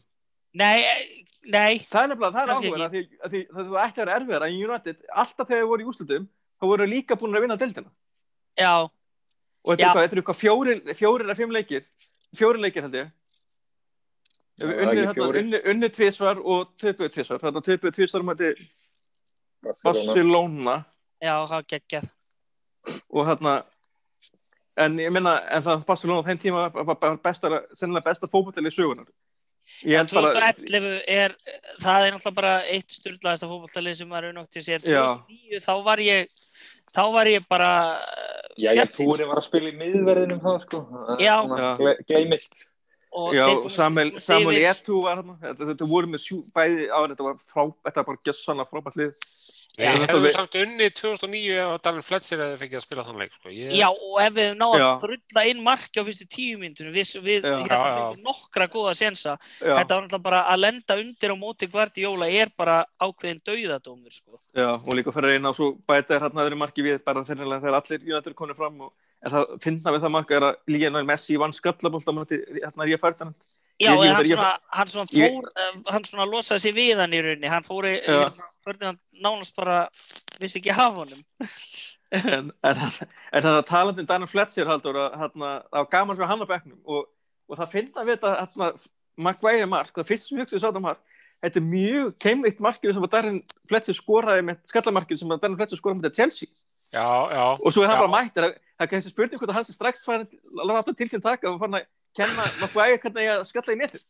Sko, já, það, ég meina Darren Fletcher er náttúrulega sko knaspinu nörd, bara par excellence og ég er mitt sko að því ég heyrði þegar voru að tala um hann í, í, í síðasta þætti og ég hérna ég var svo ánægð með að- sjá að hann væri komin í, í, í þjálfartími að því ég held af því sem ég hef heyrt bara af honum talum fótbolta að hann verði veist, hann verði flottur í þessu hlutverki í allafanna þjálfara teimi það er svona Veist, það þarf auðvitað alltaf ákveðin karakter til þess að vera kannski svona aðalmaðurinn, svona knaspinu stjórin, en hann verður alltaf góður í einhvers konar þjálfara teimi, því hann bara, veist, hann bara elskar fókbólta, hann bara talar um fókbólta, þú veist, maður, maður heyrir svo mikla insýn, eins og bara ég manna hérna, ég hlusta á podcast bara svona rétt eftir að hann var hættur að spila fókbólta, sem að hvort það var Official Manchester United podcastið eða eitthvað BBC podcast. Allavega var þetta svona ítrætt viðtal við hann þar sem hann bara svona tala um, um sinn feril og bara svona uppgang hjá Manchester United. Og það bara þegar hann var að tala um það hvernig hann hugsaði það þegar hann kom inn í liðið hjá United því hann kemur náttúrulega upp alveg upp sem hægri kantmaður í gegnum yngleflokkana og hann sá bara ok, ég er ekki að fara að fá sjans hjá United sem hægri kantmaður, ég hef ekkert það er engin ég hef ekkert fram að færa sem að toppar eitthvað sem einhver annar er ekki með í liðinu. Veist, ég, ég er ekki betri en David Beckham eða betri en Ronaldo eða betri en veist, hverji sem voru sem voru á undan honum. Þannig að hann bara hugsaði þetta svona röggrétt og bara svona veist, hvað er það sem liðið vantaði? Og hann varð bara sá leikmaður. Og það er þú veist bara, já, það er bara svona, hugs, veist, bara svona hlusta á hann tala um það ferli þegar hann var bara svona að finna hvað hann gæti gefið liðinu og hvernig hann fór í það að verða sá leikmaður. Það bara svona sín, svona segir manni hvað hérna, bara svona hva, hvað fókbólta heilir á bakveit og maður hefur heyrta líka eins og hérna Andi Mitten sem er bara einhver svona áhugaverðasti United stuðningsmanna fréttamaður sem er til í bransanum. Hann er hérna búin að vera með uh, svona fansín, svona stuðningsmanna tímaritt bara í 30 ár og skrifa núna fyrir 442 og Athletic og er með hérna, podcast og svona og bara hann hérna, ferðast á alla leiki og bara þú, veist, þú finnur ekki meiri United heila meðal bladamanna en hann að hann hann hefur mikið álita Darren Fletcher og segir til dæmis að þú veist hann hafi verið að kaupa þessi tímaritt og að hann hefur verið þú veist bara að það er dætt í spjall við Darren Fletcher um fótbolta þá bara finnur þú hvað hann hefur mikið áhuga á þessu öllu saman og bara svona, drekkur í, í sig allar pælingar. Þannig að hafa hann sem einhvern svona leikreinanda inn í þessu teimi er bara það bara gefur rosa mikið og líka þú veist það sem að gefur augalega er það að Darren Fletcher er einn af þessum leikmönnum eða svona mönnum sem geta komið inn í, í tengslum við hópin sem hafa beina reynsla af því, herru, veist, þetta er það sem þarf til þess að vinna eitthvað með Manchester United. Þetta hefur sólskera líka og fleiri en, en veist, hann kemur alltaf inn og bara tristi mér, veist, hann hefur verið þarna og hann getur miðla reynslu af miðla af sinni reynslu til þessa manna og, og, og ég er bara já, ég er rosa mikla trú á hann sem svona inn í, inn í enn þjálfara hóp sko. Ég finnst líka mjög áhugaverð sem þú segir, mér finnst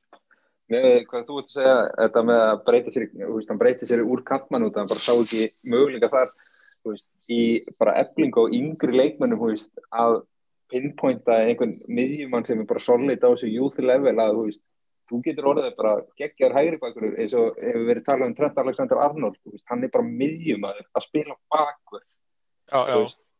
Hvort að Darren Fletcher væri með þetta hvort að hann sé einhver góður gæi í eitthvað svoleiðs Já, ég meina, ef, ef að hann hefði verið að koma upp núna, þá hefði hann kannski hugsað frekar, ok, ég geti verið bara kreatífur hægri bakverður, hann hefði kannski hugsað þetta öðru sig, því að hann sá líka bara, þú veist, ok, þú veist, miðjan og United er með þessum og þessari leikmanni, þannig að hann bara, þú veist, það er ekki bara það að hann breytti sér úr kantmanni í miðjumanni, heldur hugsaðan, hvað get ég komið með inn á miðjuna sem svona komplementar þá miðjumenn sem eru í aðalhutverkum þannig að þú veist, það var alltaf bara hans hugsun að bara svona, þess svona varðan þessi þessi svona ultimate sjöttler bara svona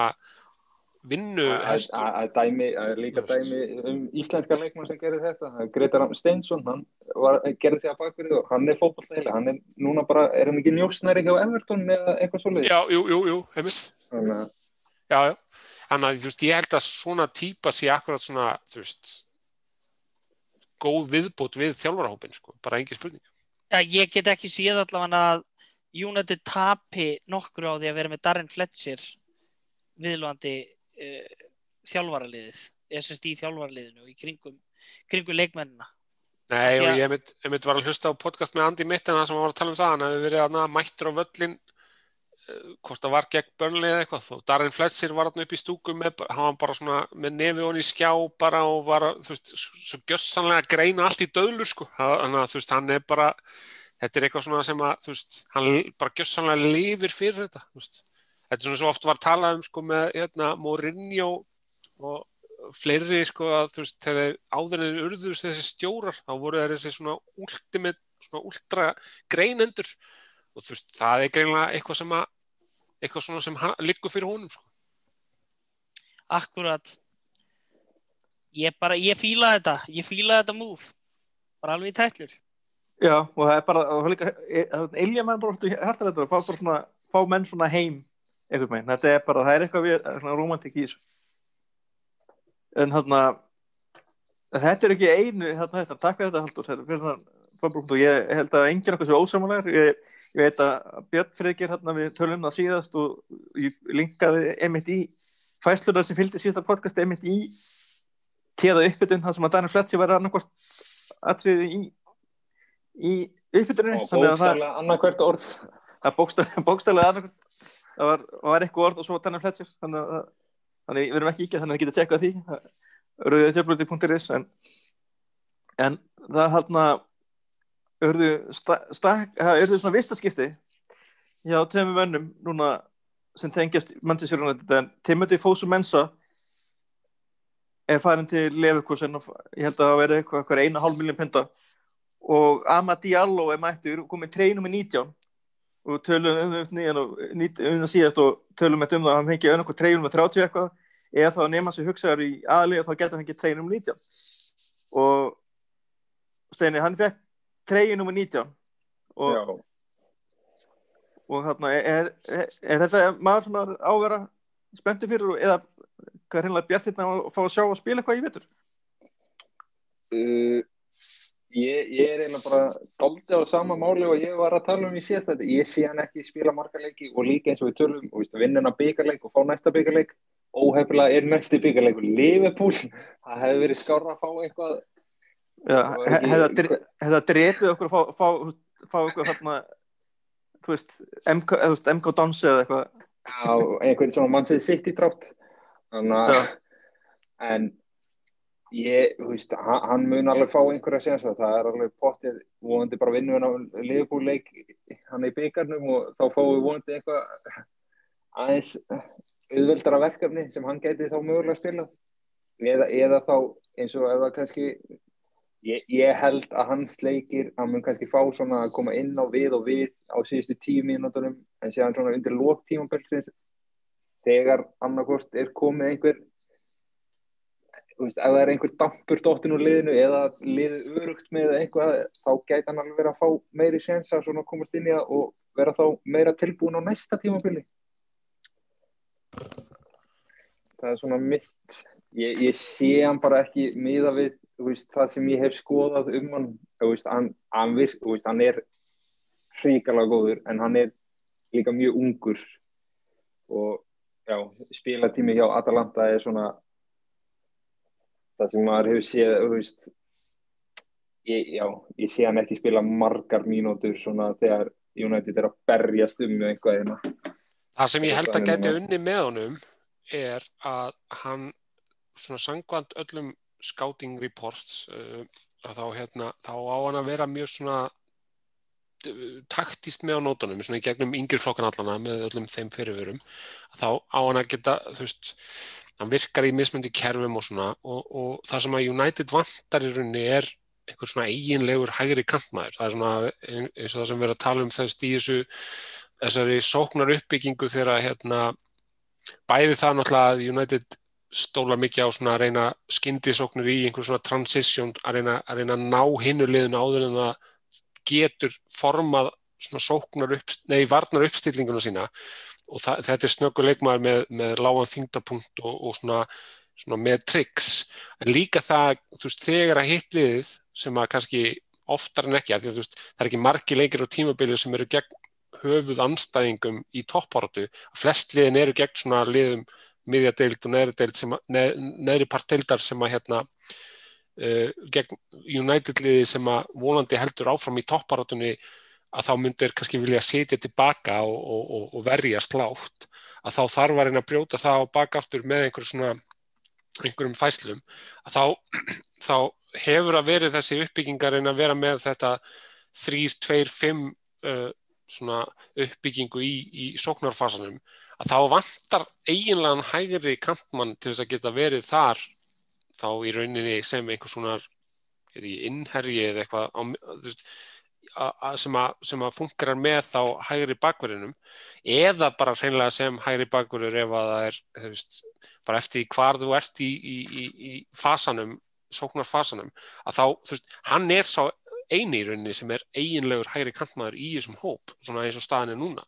þú, veist, þú getur eiginlega ekki talað um það að því að þú veist, Juan Mata hefur notaðar rosa mikið, hann er samt ekki hægri kantmaður. Uh, hérna, Greenwood er ekki hægri kantmaður Greenwood er ekki, nei, ég meina þú veist, og það er kannski það sem svona, þú veist, hann kom inn með ákveðinu svona uh, sprengikrafti en hann, þú veist, það síndi sig að þegar lið föttu hvernig það ætti að spila á mótonum þá svolítið dalaðan og ég held að þú veist, það sé svona það þurfu ekkert endilega að, að hérna kenna honum rosa mikið um það, ég meina, lið bara föttuðu það, þú veist, hann er ekki hæri kantmaður þannig að þú getur, þú getur svolítið nullan út á einhver, einhverjum ákveðnum hætti, en, en Diallo er hæri er svona eiginlegur, þannig að þú veist, mögulega geta hann fengið sjensa út á það bara að vera hæri kantmaður og ég meina, það væri rosalega gaman að sjá hann, ég meina, það væri náttúrulega draumur að sjá hann taka Martial byrjun á, á United-ferðinum og koma inn á gegn, gegn Liverpool og skora mark, en, en ég held að mögulega gætan, veist, það gæti verið leiðinans til þess að fá sjensa þannig að veist, bara það, hann er, hann er mögulega púslispil sem, sem að vantar í upplegið hjá, hjá Solskjær, þannig að kannski freistast hann til þess að nota hann bara út á það. En, en veist, ef hann fengi fáarmínutur þá kemur það heldur ekkert á óvart sko. Ég held að þetta sé týpa sem að eh, við þurfum bara svona að vera svolítið þólinnmóði með líka því ég held að, að það sem ég hef séð af hann hann er svona ófyrirsjáanlegur leikin og á eftir að henda vel á móti liðum þegar framleiða stundir sem að liggja látt en hann, hann á örglega eftir að vera svolítið, svolítið frústrerandi eins og, eins og Ronaldo gatt verið fyrstum sinn þegar hann var að stíga sem fyrstu skrif með United-liðinu. Þetta verður svona vandarsamt fyrir sólsér að hérna átt að segja á balansinu hvort hann eigi að hérna láta hann spila bara á neðri levelum eða, eða reyna, reyna komunum strax inn í aðalið en eins og Haldur segir að þá gæti þetta náttúrulega verið leið fyrir hana að hægri kanturinn er svona ákveðin vandræðast aða en hann er náttúrulega líka eða bara krakki keiptur á sko 20, hvað er það ekki 20 eða 25 miljónir þannig að það er með, eitthvað í að sunni sko. með mjöguleika á 30 eitthvað en en náttúrulega upphættir, þessar upphættir þetta, þetta er ekki það, þú veist 30 miljónir punta í dag í dag Marcial kom upp úr þú veist, búa, Nei, þú veist hann var ekki mjög þættur en hann kostiði 50 en það er, er bara þú veist hérna, eins og bara í raunhefum þá er bara ákveð infl inflation í gangi Já. í fókbaltunum þannig að veist, 30 miljónar punta menn í dag eru kannski, kannski 8-9 miljónar punta menn fyrir fyrir, svona, fyrir kannski 10-15 árum. Veist, þannig að þetta er bara þenslanir og þetta, þetta, þetta neymar dæmi algjörlega eðilaði allt. Og hérna, það er ekki eins og þau félagsgeiti hafi gert neinum mikið greiða. Það er ekki eins og Paris hafi vunnið mestarleitarna eða, eða, eða ekki bara haldið áfram bara að vinna í frumsleitarna eins og þú verist nánast svo erfitt að gera ekki. Þannig að græti engin á sinum að næk Nei ég held að það er þessu einu sem fagnir en hann en hann en hún kannski síðast að þetta punkturinn hann er að Bruno Fernandes, Harry Maguire og, og Shaw þeir eru all þetta samkvæmt hérna mínum kokkabókum þá er þeir einu gulu spjaldi frá leikbarni. Er ekki bara, eiga er ekki bara allir að byrja leikin hérna á móti Liverpool, fá guldspjald og svo bara leifa þá Telles og Van de Beek og, og Lindelöf að spila byggalegin eða er, er ég hérna? Það væri mjög taktíst að fá guldspjald í þessu leik og taka bannu út í FA heldur en deildinni. Það er leikur á milli, það er fúlam Er fúlam á milli? Fúlam í deild á milli. Er það ekki bara ennþá betur leik? Það. Er döbbul hættir í fantasy sko. ég, hérna, ég, ég kenni þér um þetta, hérna,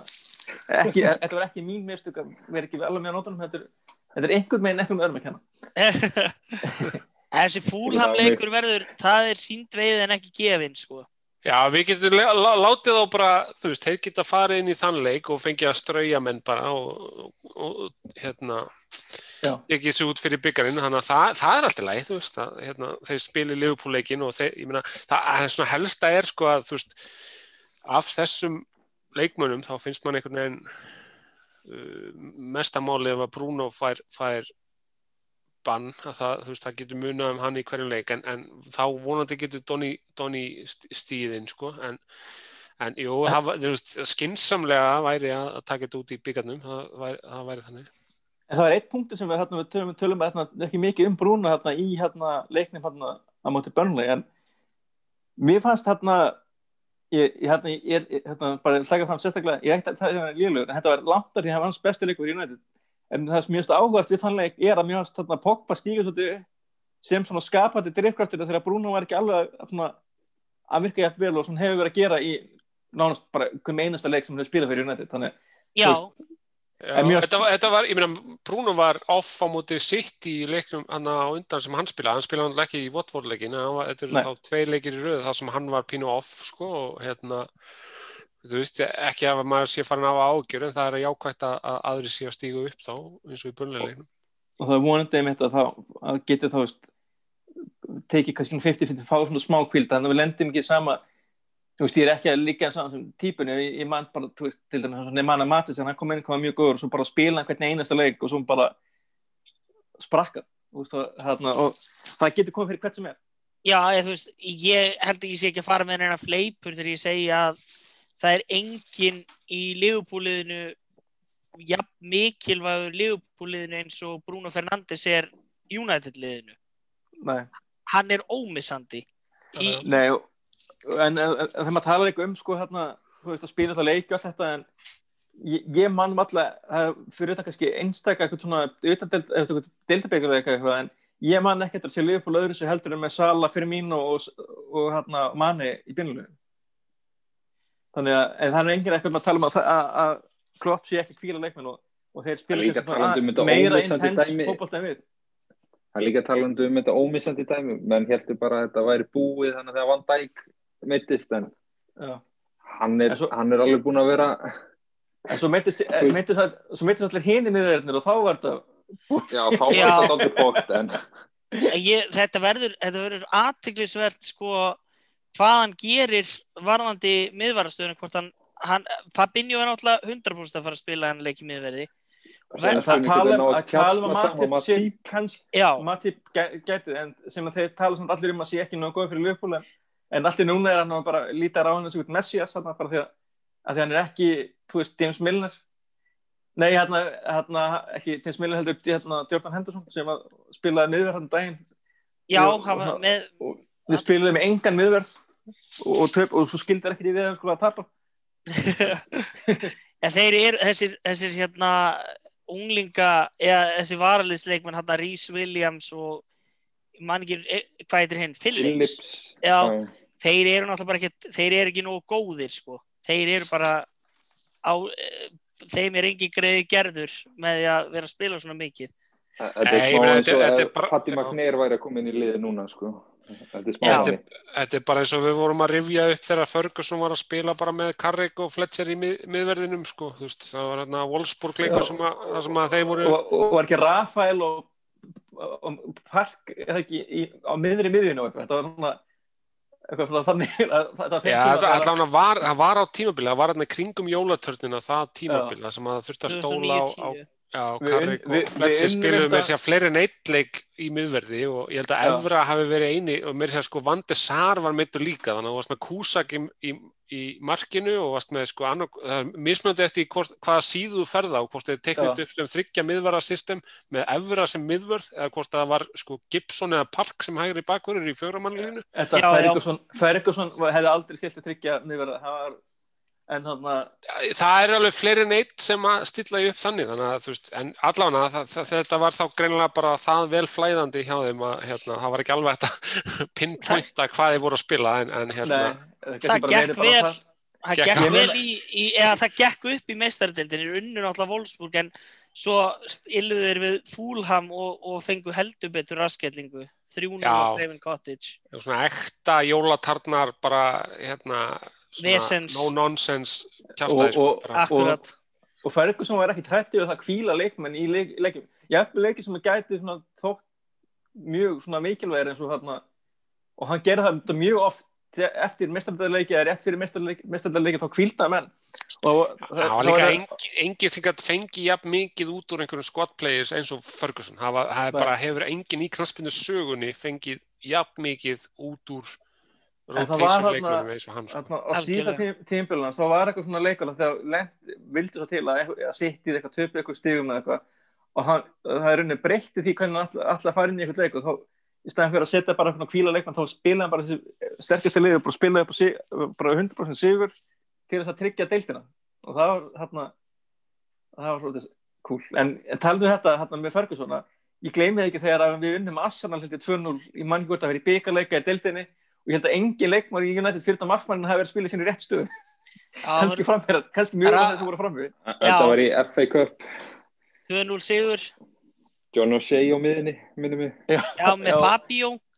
Já, Fabio á kantinum og, það ekki, og, og, var park í, í miðri miðinu eða? Ég, það þetta var var náttúrulega ekta dæmi um það sem að Daniel var að tala um hana, veist, hvernig United vann alltaf Arsenal. Eða það, það, þarna var náttúrulega bara Ferguson farin að gera grína vengar sko, bara, Já, þetta var, já, þetta var sko, uppstillingi var Van de Sar í marki, Já. fjórum manna varnalínu með Brown, Smalling, Vidic og Evra og miðjan var Rafael, Gibson, O'Shea, Fabio og svo Rúni og Hernández frammi. Þetta var, þetta var magna Stórkvæmslegu leikur og þeir voru bara, þeir voru ekkert verri aðilinn þannig sko. Nei, fór þetta ekki, unnu- fór þetta ekki unnu leikinn. 2-0 líka eða ekki? Jú, fór 2-0 og, og, og Skóls unnu kom, leikin þeir voru bara hreinlega betra Skóls kom inn á í þessum leik og ég held að hann hefði getað lagt upp sko þrennu á Rúni. Ég held að þetta var bara, þetta var galið. Alveg galið. Þetta er gaman, gaman, að- gaman að horfa sem er leikin þarna og, og hérna, ég held að þessi miðja hefði ekki geta verið meira vandum heldur en ef að ef að þryggjára sýstadóttir minn hefði komist í fútbólmannsjur og bara ítt á eitthvað eins gaman, eins gaman á er að rifja upp góða tíma þá er rosalega gaman líka að vita til þess að við þurfum ekki að leita aftur í tíman til þess að, að upplifa það að United sé á toppið deildarinnar. Nei, það, Það er er rétt. Það er rétt. Er það Það ekki er góð bara, tilfinning. er það ekki bara, símin er að undirbúa sig fyrir það að þetta verði sennilega mest horfi á, mest áhorf á leik í ennska bóltanum bara sennilega frá upphafi á Íslandi mögulega. Já, Já. það er nefnilega búið- sko, að því að það, þetta gerist ekki oft að þessi lið séu í efstu tömur sætunum þegar það mætast og það gerist ekki einu sinni í 2009-10 tímabilið sem allir er að referensa þegar bæði liðin voru í topportu þá var Liverpool í þriðja sætinu þegar liðin mættust. Það gerist síðast 1997 að liðin voru í efstu tveimur sætunum þegar þeir mættust. Þannig að veist, þetta gerist ekki oft sko. þetta, er, þetta, þetta er bara algjör visla sko. já, það er eiginlega algjör uh, synd og skömm að það sé ekki áhörvendur á þessum leik. Sem myndur nú sennilega minka aðeins áhörstölunar, sjónvarsáhörstölunar hérna heima því að það verður pottitt einhverjir Íslandingar að, fara þá til Englands til þess að horfa á þennan leik. Pottet, sko. En þetta bara vonandi fer á, fer á besta veg. Þetta verður drullu erfitt en, en þeir mæta narristir inn í hennar leik. Ég held nefnilega, sko, ég er búin að vera að hlusta á, á lesa umfjöllun og hlusta á podcast og svona og það er bara svipa eins og við höfum verið að tala um að, að hérna, við erum mættir hérna í topparötu, United, eitthvað í efstasæti og þetta er pínu óvænt, eða ekki pínu, þetta er frekar óvænt og maður svona bjóst ekki við þessu fyrirfram og, og allir bara einhvern veginn ógeðslega kátir með þetta að því að, að því að þetta er svo óvænt og maður svona býst eiginlega ekki við, veist, það er engin það er eiginlega enginn sem teiknar það upp þannig að United sé eitthvað líklæra liðið eða það er, það er United engin sé- pressa Nei, er veist, það-. Það er samt þannig að þú veist það hefur engin trú á United geti en, ennst í þessari topparatu uh, og ég vona bara það að, að liðið geti tekið það sem svona baráttu, þetta er svona eins og sko, það sem Fergie var svo góður í byrjun síns stjóratímabils, eins og bara með Aberdeen, að búa til svona viðamóti öllum tím, svona, svona stemningu, að allir eru á móti okkur, veist, að það hefur engin trú á okkur, að bara svona að því að þú veist, það er greinlega rosa stemning í liðinu, það er, það er trú í hópnum. Og maður svona veit alveg að þú veist, það hefur engin trú á þeim nema þeir sjálfur og ég vona bara að þeir geti nota það til þess að peppa sig upp í það hei, þú veist, við skulum bara sína öllum að þeir hafi ránt fyrir sér þannig að ég, já, ég, veist, ég er ógislega spenntur fyrir sér og ég, hérna, þú veist hef, ég er samt á sama stað, ég hef ekkert endilega trú á að þetta endist og ég manni finnst sérstaklega mannstu sitt í eins og skriðinu sem að þeir eru á núna vera líklegastir og Liverpool mögulega þegar ef þið fá leikmenn tilbaka vera kannski einn ennþá skrefi og undan en þú veist, kannski getur það bara nota þetta til að mótivera sig og bara fara allar leið í þessu sko. Ég, ég meina, ég teka bara, bara ekki langt síðan að Leicester City vann þess að deilt Já, en Og- þú veist, þeir voru ekki að berjast á móti Manchester City liðinu sem er núna eða, eða liðinu núna. Þannig, að- en, en jú, vissulega, Nei. en þú veist Við en- ekki gleyma en- 2015-16 En það er nú- en- en það er nú ekki- sennilega en það- leiðilegasta United lið í manna var ég- held að Guardiola var með þetta City á þessum tíma ef var þetta ekki Var það Það fyrsta var- tímabilið? Nei, Já. tímbil áður, þetta tímbil áður. Já, já, var þetta síðasta hérna á Pellegrini eða Já, eitthvað? svo mættum Þeir Mourinho tilkynntu það í, janúar eða eitthvað hann var að fara og bara algjört gjaldrótt eftir það. já, akkurat Mourinho og Gua- Guardiola En- kom svo þarna sumarið 2016 í, í en, en, það- en það er samt, þú veist, talandum þetta þetta er ekki sama sittilið, þetta er samt sittilið sem að vann deildina bara rétt áður og var sennilega með bestu hópin í deildinni Já, já, en þú veist, þetta var ekki að sama samt sko, en þú veist, ég skil samt hvað þú meinar, þú veist. Demi Kelis var að spila hann í miðveri trekk í trekk, það var svona Já. hann náttúrulega var settur hann náttúrulega hérna var settur á raskandi af Rashford í fyrsta Manchester derbíun hans Rashford á því tímbili sko eftirminnilega. er mjög eftirminnilega en liðin sem voru í baróttu við Lester svona lengst það voru Tottenham og Arsenal það er ákveðin sem í auðvitað tjókuð. já, ég sagði þetta, að, ég þarna meira þarna, ég var að að þarna undir þarna síðustu leikina, að allan tíman að lesta var allir talað með Tottenham að taka þetta Kristi með lestir að taka þetta, Tottenham hefur aldrei séð neitt út. Ekki neitt. Það er alveg svo leiðis og, og, og svona því litur til er, er svona, Jose Mourinho hinn, hinn fullkomni stjóri hjá Tottenham hann byrja vel en endar alltaf á gjaldröndi þannig að þannig að við hérna býðum svo og það er hérna en það er nóga fótbolt eftir. Og það er alveg, þú veist, við ekkert bara hérna deildina, við líka svona Európa-deildina þegar það er að kemur. Já, en hérna þannig að við hérna munum hafa nóg efni til að fjallum og ég minni á rauðdjöfl.is og við erum fyrir utan umfjallanir um leiki og, og podcast og þá erum við að reyna að vera með einstakar pistla sem að detta inn og, og við erum með tvo frábara á leiðinni og hérna og hérna ef þið munið eftir United í gamla daga þá munið eftir Tommy Doherty sem að fjall frá fyrir skömmu og mitt tölum að sem í síðasta þætti en, en við hérna erum vonast til að geta byrt grein um hann bara mjög fljótlega. Og það, eins og segi, það fyrir svolítið eftir hvernig leikur við fyrir á sunnundaginn hvort að við hérna að vera svona halleluja pistill eftir leikin og skýslun að lifa eða hennilega við minnum bara byrta grein bara setna sama kvöld þannig að Eitt samt, sko, ég, ég hérna, tek eftir að segja leikinn, það er náttúrulega tveir leikir á sunnundaginn, við erum að horfa á algjörðan risa sunnundag, þar sem að klukkan hálf, hálf þrjú mætast uh, Chelsea og Manchester United í efstu deild kvenna það er rétt þér. Og, uh, hérna, tveimur tíma algjör- setna mætast, mætast uh, Liverpool og Manchester United í, í efstu deild kalla og það sem að þessi leikir eiga samilegt er það að United er í efsta sæti í báðum deildum og er að mæta ríkjandi meisturum sem er í öðru sæti í báðum deildum. Þannig að þetta eru risa risa leikir í báðum deildum Þetta er og- bara United er- já, þetta er, Super þetta er super fucking Sunday sko, og hérna, það, geta, það er hægt að horfa á kvennaleikinn bara á, á einhverjum svona FA player bara inn á, inn á heimasíðu deildarinnar eða á BT Sport eða á Viaplay held ég að sé örgulega með þetta líka. Og hérna og svo er, er, er kallaliðið á, á hérna, bara síminn sport eða, hvað sem það er og hérna, eða bara á næsta pub. Þannig að þú veist, þetta verður fucking visla sko, það er bara tveir titilslægir risa leikir bara, já, þetta er hérna, það það er mjög skemmtilegt. Það er að gera margt verður á, á sunnundum heldur en að horfa á skella sér í fókbaltavislu. Janúar er ekkert svo glúmi mánuður eftir allt saman sko. Nei, og da- daginn fyrir að lengja og allt þetta og, og Akkurat United- United-liðin eru bæði bæði hérna, fann að Mér finnst, geta mér finnst eitthvað strax fyrir að fara að byrta yfir sko. Mér finnst bara, veist, bara mjög bjart sitt sko. Það er enda, það hjálpar náttúrulega þarna, það er meiri byrta þegar enginn fyrir ofan mann. þá er ma- maður svona bara clear skies þannig að ég, ég tek best afsökunar á þessum orðaleg ég, hérna,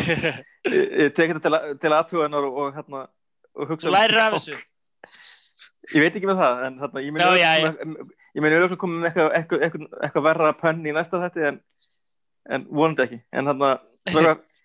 takk alveg kærlega fyrir mjög skemmtilega og fróðlega þátt Ekki svo leiðis. og, Takk Og- fyrir. svona, og ef allt gengur upp þá verðum við með ykkur aftur í næstu viku Já, það er segja, erum við flu- fluttir úr landi að illa fer á andvíð. Já, eða, eða, eða þá verðum verðum ennþá bara, kom, bara í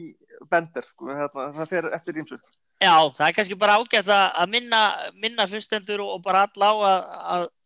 það er ekki doom and gloom þó að þessi leikur tapist. Það, að, þeir jafnum okkur nú bara stigum. En það er náttúrulega bara væri alveg, alveg útrúlegt ef við værum allt í unni 60 og undan þeim, svona með það sem við vorum, bara ef við miðum við eftir 6-1 tapið Old Trafford á móti Tottenham. Finnst en- en- það verður áhugavert að vita það hvað gerist þegar að ke- kemur eitthvað upp á, hvort það er í þessum leik eða einhverju leik, veist, þegar að United fær eitthvað tap á sig, að því að eins og síðast náttúrulega, eða þannig á móti Tottenham, þá bröðist þeir mjög vel við og svo kom Arsenal tapið og ég meina, þú veist, þetta er svona, það, veist, það er það sem þeir þurfa að sína, því að maður, maður hefur einhvern veginn ekki trú að þeir ná að taka eitthvað svona svakalegt rönn og vinna bara alla leiki, þannig að veist, það er bara spurning hvernig þeir bregðast við, af því að veist, auðvitað er stutt í bara pakka, sko, en, en, hérna, en veist, þá þurfa þær að sína karakter þegar að svona smá kemur á móti, þannig að sem það verður þessum leika eða einhverjum öðum. En það er mjög fannst það mitt þarna, það er verið bara svona undanfærið og er það komið þessi segla í sem maður hefur ekki séð bara hreinlega síðan að, Já, síðan að Ferguson var með liðið. Það því að, svona, ég, ætla, ég var alltaf að slúta þetta, menn ég, ég þreytist ekki á að tala um þetta, en, en hérna svona ánum hverjum í þessu þætti, þá er hérna eitt mjög áhugavert að síðast eftir, í þessari, eftir þetta í deildinni og, og Jónat var síðast í fyrsta sæti, þá var á fyrstu árum, fyrsta ári rauða djöfluna. Og það var tímanbölu hvað 2012-13 en við skjöld, ef ég mann rétt og og, og minn allir hvernig það fór, ég er sem við vinnum deildin í apríl en kannski en það, þá, þá getur næst, takk fyrir mig Takk, takk.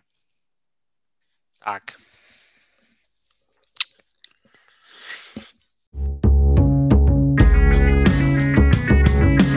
Takk fyrir að hlusta á Djöflavarpið. Þið getur fundið frekari umfjöllun um Manchester United á rauðudjöflarnir.is.